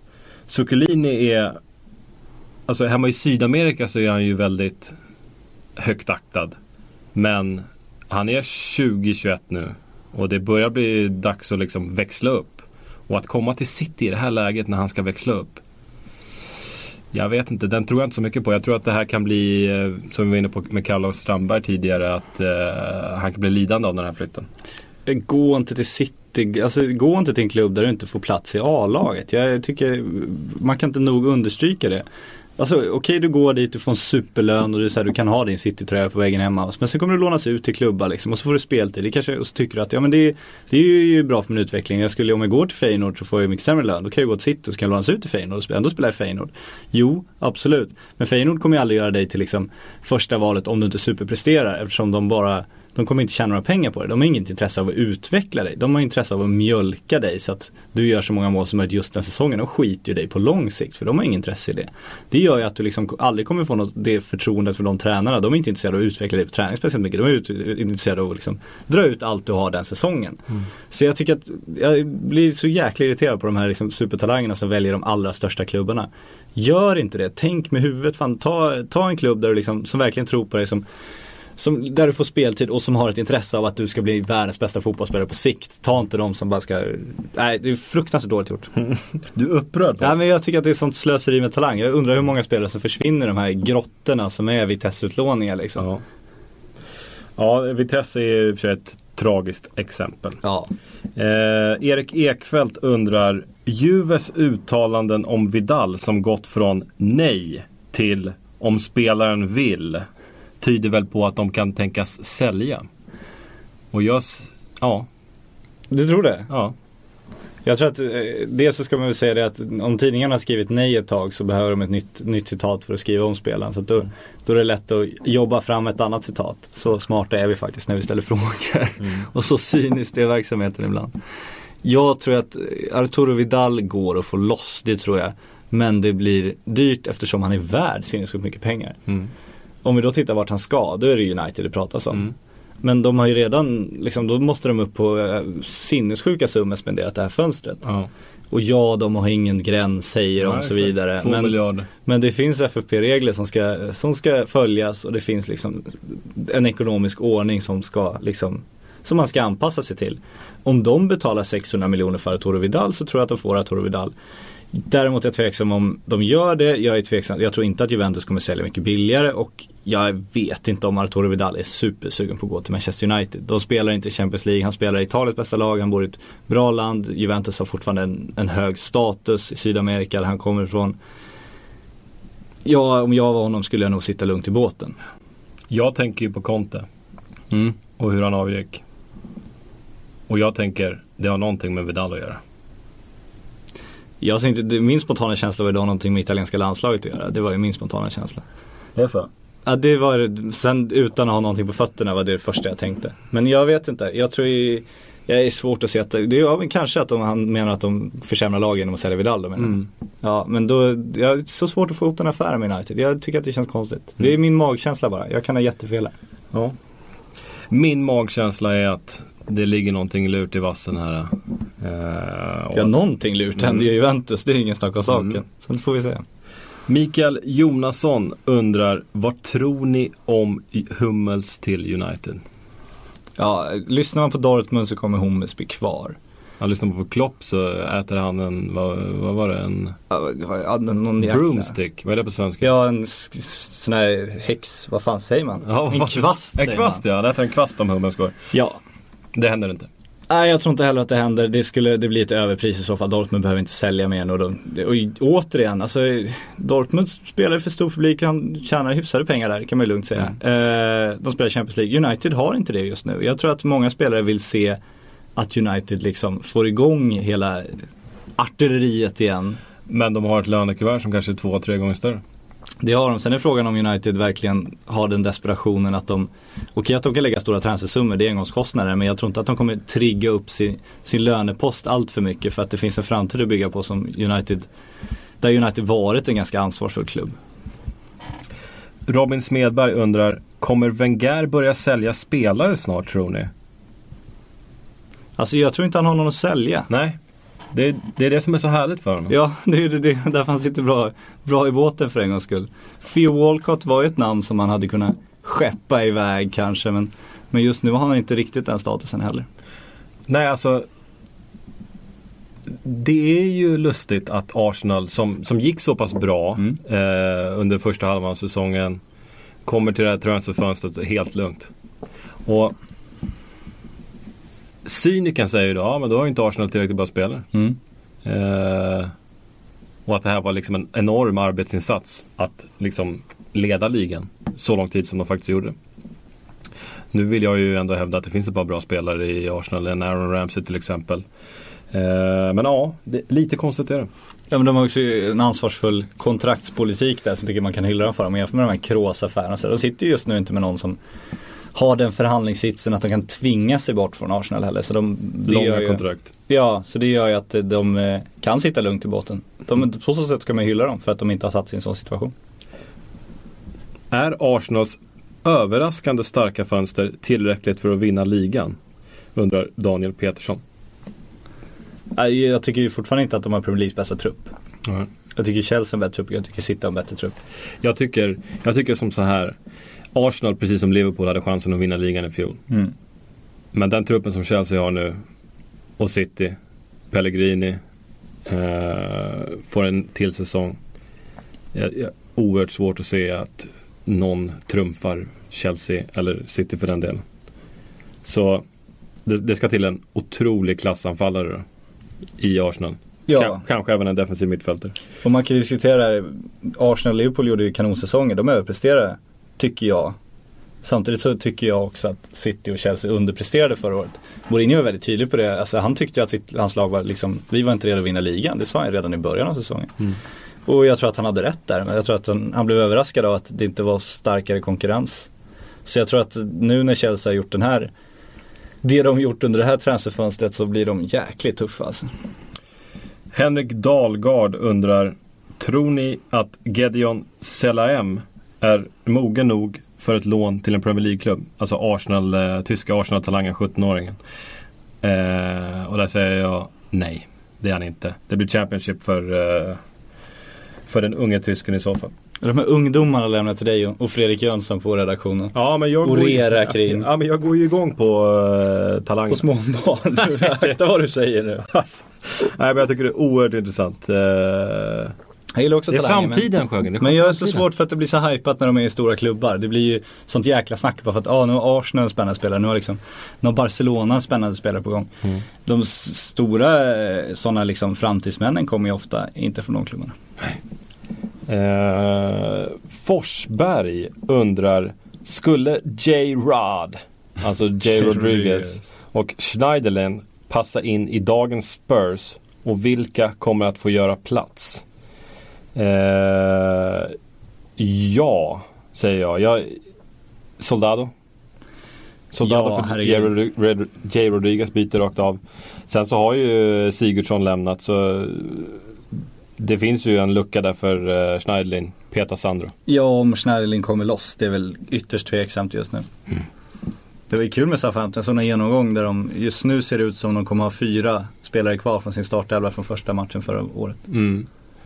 Eh, när uh, J. Rod och Schneiderlin säljs då är det åtta spelare bort. Ja, och som det ser ut just nu alltså. Mm. Ja, nej, det, det mm, ser inte bra därför, därför blir de svårköpta också för att det såg vi på Lovren också.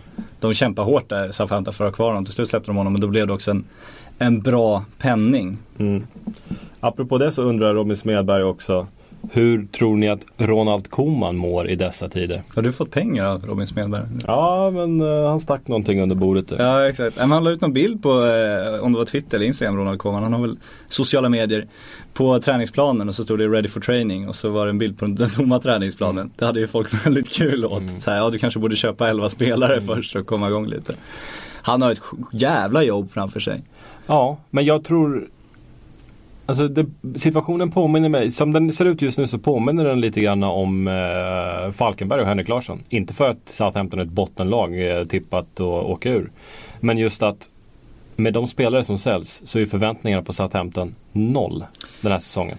Så är det samtidigt. Jag trodde inför fönstret att de skulle tvingas släppa Luke Shaw absolut. Lalana om de fick bra betalt. Mm. Ja, det var ungefär där man landade. Ja, sen tyckte jag att de borde då med de pengarna i ryggen kunna övertyga de andra att stanna. Mm. Nu verkar det som, man, eller verkar, nu, nu har de inte lyckats. Det tycker jag är ganska överraskande dåligt gjort ändå. Mm. Sen ska man ifrågasätta hur bra de här spelarna egentligen är tycker jag. För att det blev en supersäsong för Southampton. Mm.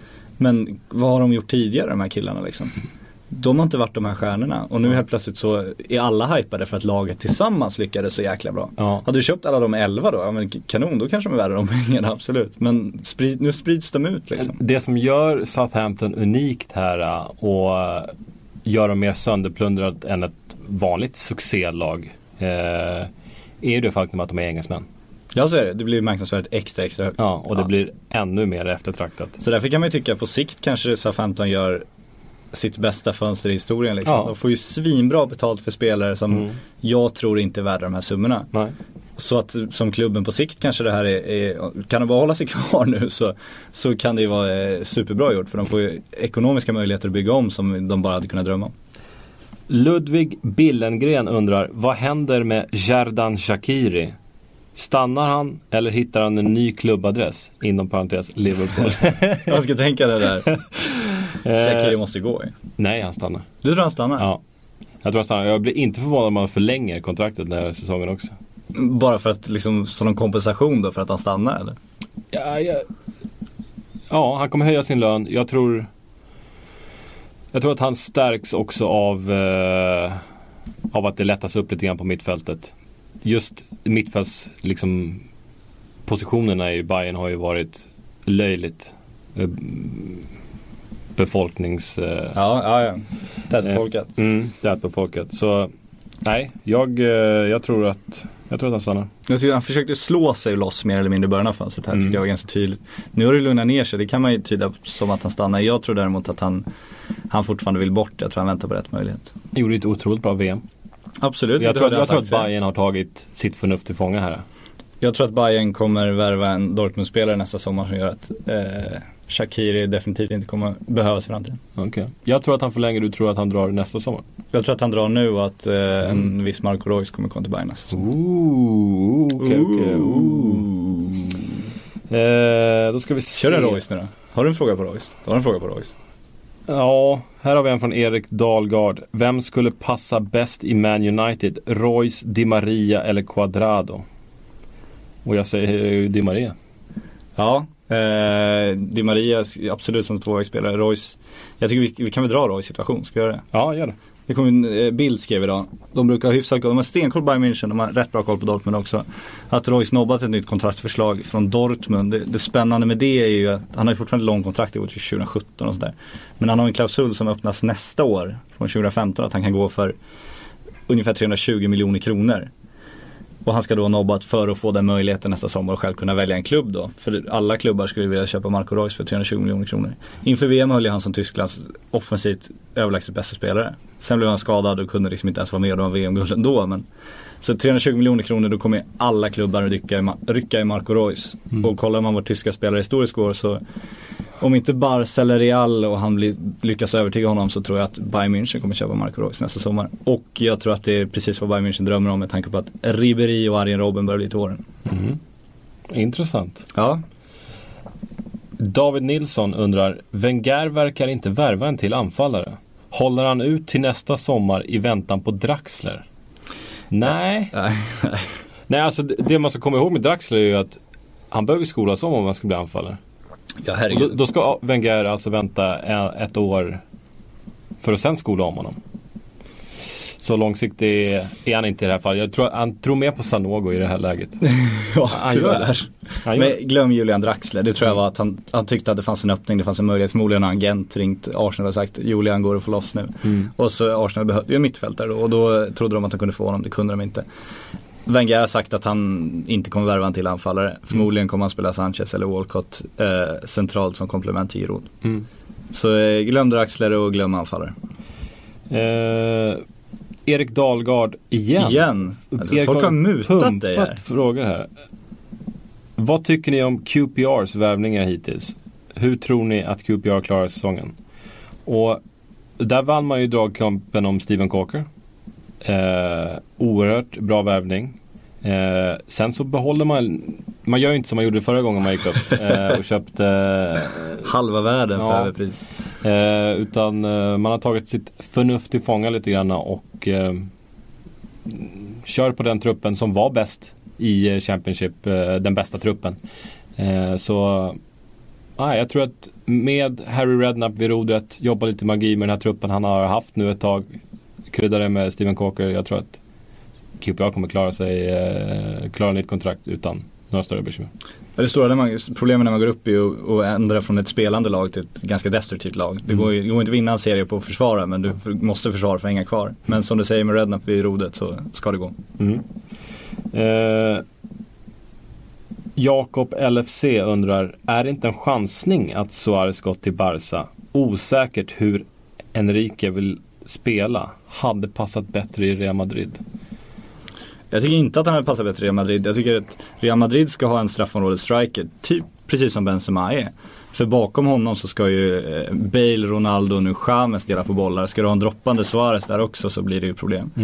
Sen eh, tycker jag att Barcelona ska ge upp Leo Messi centralt lite. Jag tycker inte att han ska ha den dunderfria rollen. Jag tycker att Neymar ska få fler bollar. Nu tycker jag att Suarez kanske ska vara den som går ner och hämtar också. Så att eh, om de bara liksom ger upp Messi-glorian lite så tror jag att det kan fungera där. Däremot om Messi ska ha alla bollar fortsatt så tror jag att Suarez kan det finns en Zlatan-vägg där som eh, Ja. inte är helt omöjligt att han brakar in i. Suarez gillar ju att ha en del boll.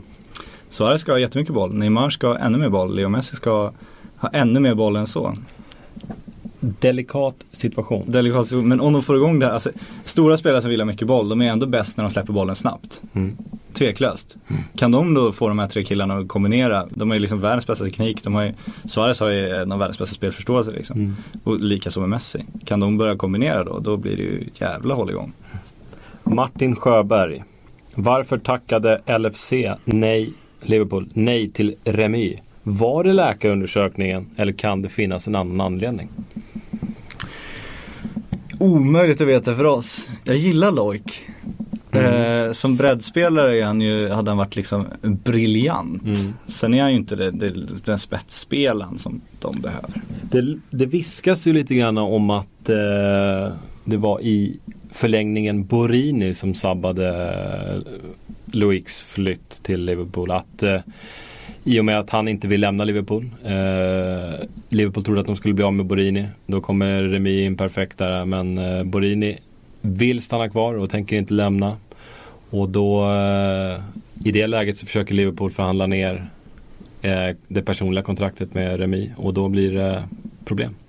Ja, Remi kommer ju Det är från, vad det viskas om i alla fall. Remi kommer ju från en, en saftig lönesumma kan man säga. Han är ju en, en miljardklubben som inte kan prestera. Så Mm. Det gör det problematiskt. Och han, han skulle inte bli den spetsspelaren i, i Liverpool tror jag heller så att han är världens superlönen. Så då gör man ju rätt att dra sig ur. Men som breddspelare om man kan få en på den lönen tycker jag, då är han ju en supervärvning.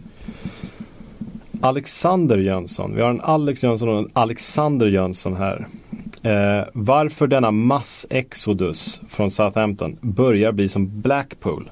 Ja, riktigt så illa är det inte än. Men Southampton, för att reda ut det här då. Katarina Liebherr, ägaren. Hennes far gick bort och hon fick ta över klubben. Det här var ett och ett halvt år sedan kanske. Eh, hon har ju tagit in en ordförande som hockeyfans eh, där ute kommer känna till. Ralf Kryger, hockeytränare, varit assisterande tränare i någon NHL-klubb vet jag och också var del av den stab som vann OS-guld eh, nu senast. Hockey i Sillypodden är en skandal Mm. faktiskt. Det är en skandal. Och den här killen har ju aldrig jobbat med fotboll tidigare. Suttit på någon post i IOK tror jag också. Liksom en, eh, en skrivbordsherre så att säga. Han kan sitt skrivbordsarbete. Han kan vända siffror. Men ett aktat namn i idrottsvärlden så att säga men inte alls gjort någonting inom fotbollen. Han fick ordförandeposten och du vet han utsågs för bara några månader sedan. Och då kommer han in och ska försöka fäkta bort alla intressenter. Inte det enklaste första jobbet att ta sig an. Eh, Southampton, ordförandejobbet i Southampton är ju kanske det svåraste det här eh, fönstret och det ska Ralf Kryger ha. Eh, så Southampton, massa duktiga engelsmän som gjort succé i kombination med lite orutin på ledarposter. Det spelar in till eh, att man tappar oerhört mycket spelare. Ja men det är ju det här också. De får ju, alltså antingen så hade de kunnat sälja Lalana och Shaw och sitta lugnt i båten för att de fått in massa pengar och sen behålla en massa spelare som inte vill vara kvar som Lovren som är väldigt tydlig med att han vill bort. Eller så tar man jävligt bra betalt för spelare som inte är värda så mycket pengar. Hävdar jag igen. Eh, och bygger för framtiden. Nu gäller det ju för dem, de valde andra vägen, nu gäller det att verkligen använda de här pengarna på rätt sätt. Filip Tyberg. Hur går det för Willy Caballero i City? ju- varför får du välja frågor? det hade ju aldrig kommit med Vet annars. vad? Men jag, jag, Förlåt Filip, men vad fan. Willy Caballero, vad fan. Det är inte det man undrar, det gör man ju inte. Hur går det för Willy Caballero? Fan. Det här har du skrivit själv. Jag ser ju det. Alltså, jag, anledningen till att jag tog med den här frågan var för att jag, jag tyckte det var så roligt när eh, på dagen Du kan inte motivera det här. Jo det kan jag, det kan jag för jag har en rolig historia här. Ja, kör nu. Eh, Om det här är en dålig historia, då kör vi Bentner special nästa vecka. Två och en halv timme. Anledningen eh, till att jag tog med den här frågan är att eh, på dagen, finaldagen, Argentina, Tyskland, VM-final. Ja. Tidigare på dagen så spelade Willy Caballero. Som enligt mig borde ha varit med i truppen. Enligt dig också Patrik. Han borde ha ja, varit med i truppen. absolut. Truppen. Men, ja, men det, kan vi, det är en annan Så sak. istället för att vara med eh, delaktig i en VM-final så spelar han sin första försäsongsmatch med City borta mot Dundee United. Står i mål, förlorar 2-0. Eh, och den liksom, det var ju lite grann av en aptitretare för mig inför finalen då. Och det var lite skilda världar. Han borde ha varit i Brasilien Ja, ja. men han är i Dundee. Ja. Eh, och släpper in två mål. Eh, ska sägas att ett av målen var ett straffmål som han först räddade men sen eh, slogs returen in. Så hatten av till Willy. Du svarade inte ens på frågan. Du ville bara berätta din historia. Ja, jag vet.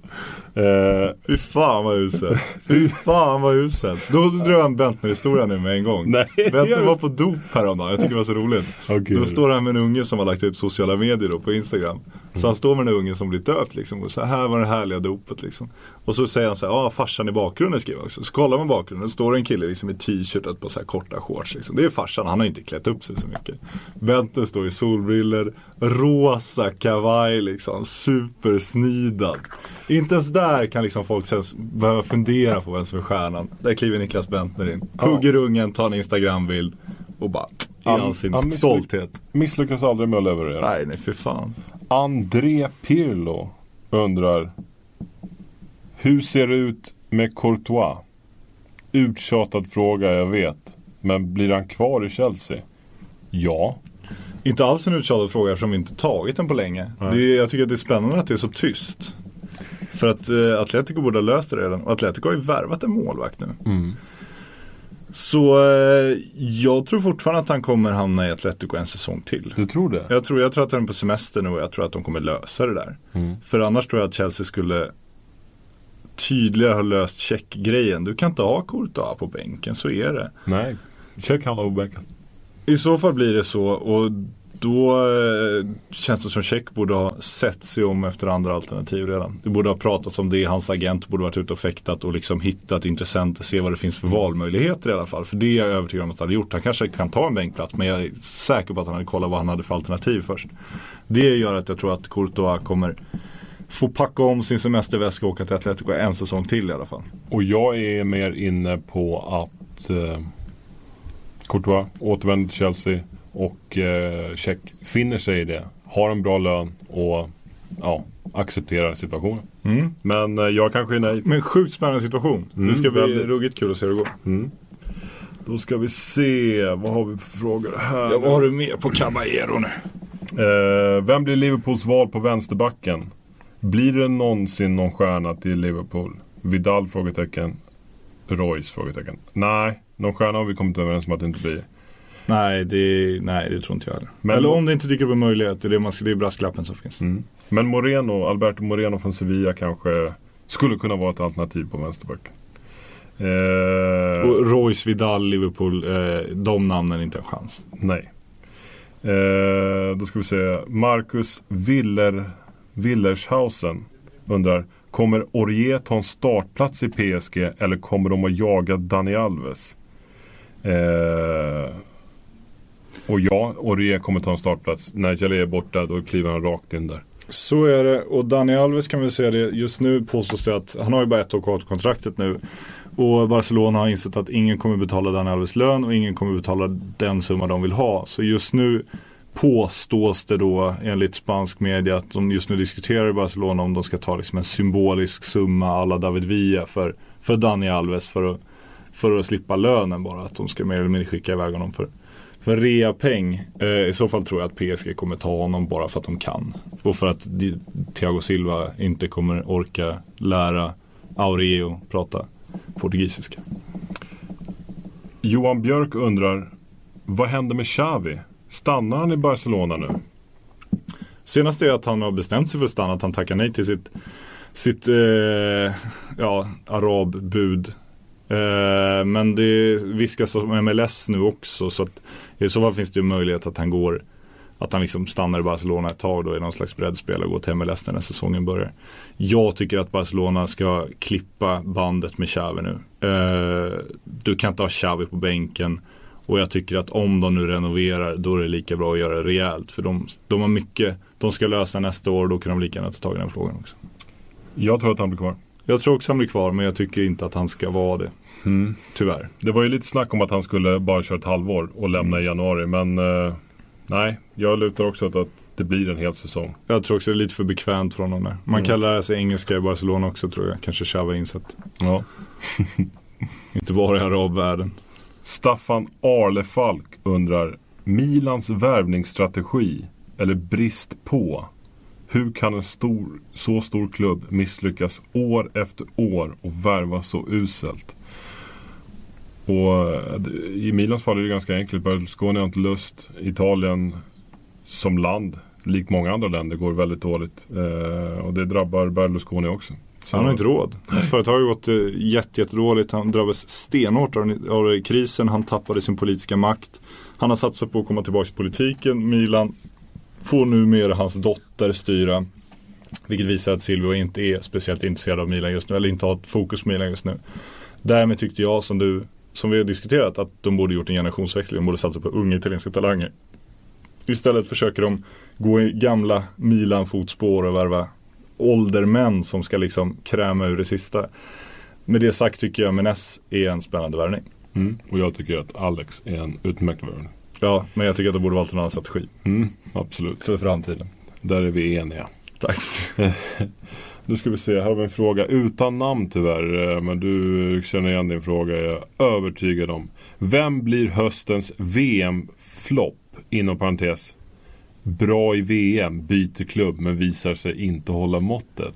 Och här har jag ju en spelare som jag gillade under VM, en Valencia i Ecuador. Ja, Eh, som bar Ecuador eh, i gruppspelet. Nådde inte hela vägen fram. Eh, det var ju lite strul där med arbetstillståndet tillståndet där. Men det verkade ha löst sig innan Mm, vi gick in det i poddrummet. Mm. Och då flyttade han alltså till West Ham. Och visst, jag gillade honom i VM. Men den här killen kom från mexikanska ligan. Eh, potential att bli en eh, klassisk eh, VM-flopp va? Absolut med ett sånt klubbval också. Det blir enormt stor omställning. Så där kommer man ha problem. Sen får man ju kasta in James Rodriguez också. Jag tror inte att han kommer vara världens bästa spelare nästa år. Och det är väl nästan de förväntningarna han bär på sina axlar just nu. Eh, Niklas P- Pettersson undrar Vad händer med Dinho? Dinho? Ronaldinho alltså. Ja, det blev ju inte Stoke nu. Den platsen tog ju Bojan Kirkic. Fantastisk bild när han presenterades Bojan. Han står där med Mark Hughes på något berg i Alperna någonstans. Det måste vara den mest otippade bilden i historien. Ronaldinho är väl klubblös nu. Han eh, har ju fortfarande en ikonisk status i Brasilien. Det är klart han kan lyfta ett kontrakt till där. Vilket han kommer göra, tror jag. Det senaste är annars att eh, australiensiska klubbar ska vara intresserade. Och hans Ja. agent ska vara sugen. Ja, hans agent är förmodligen sugen. Ja. Det förvånar mig inte. Men, alltså, Okej att för Australien, okej Australien. Alessandro Del Piero, okej. Men Ronaldinho är ju liksom en, en beachkille, en sambakille. Han ska ju liksom han ska ju leva ett, någon slags glamourliv mer tror jag. Mer än vad Alessandro var, var sugen på. Vilket gör att eh, Australien nog rimmar ganska illa med Ronaldinhos Ja men Sydney Intressen utanför planen. Alltså. Jo men herregud, han avverkade klubbarna i Barcelona så frekvent att de var tvungna att sälja honom. Han åker till Milano, modestadens Mecka. Han, liksom, han tränar mer på dans än på fotboll de sista åren i Milan. Han drar hem till Brasilien, lever liksom någon, någon superliv med står och halsar drinkar på scener. Och ska han då åka till Australien? Vadå, ska han lära sig surfa då eller? Jag skulle vilja pilla in honom i Melbourne där. eh, Citys nya farmarklubb. Jag tror att eh, det skulle vara en match made in heaven. Jag vill eh, sätta honom på någon Avicii-turné bara. Nedim Ali frågar Vad tycker ni är bäst för Lukaku att göra med sin karriär? Inte kan han stanna i Chelsea som inte kan hantera talanger. Åk till Everton, skriv, bli permanent, vilket ser ut att hända. Det blir kanon för Lukaku. Han har lyckats där, de litar på honom, de vill ha honom.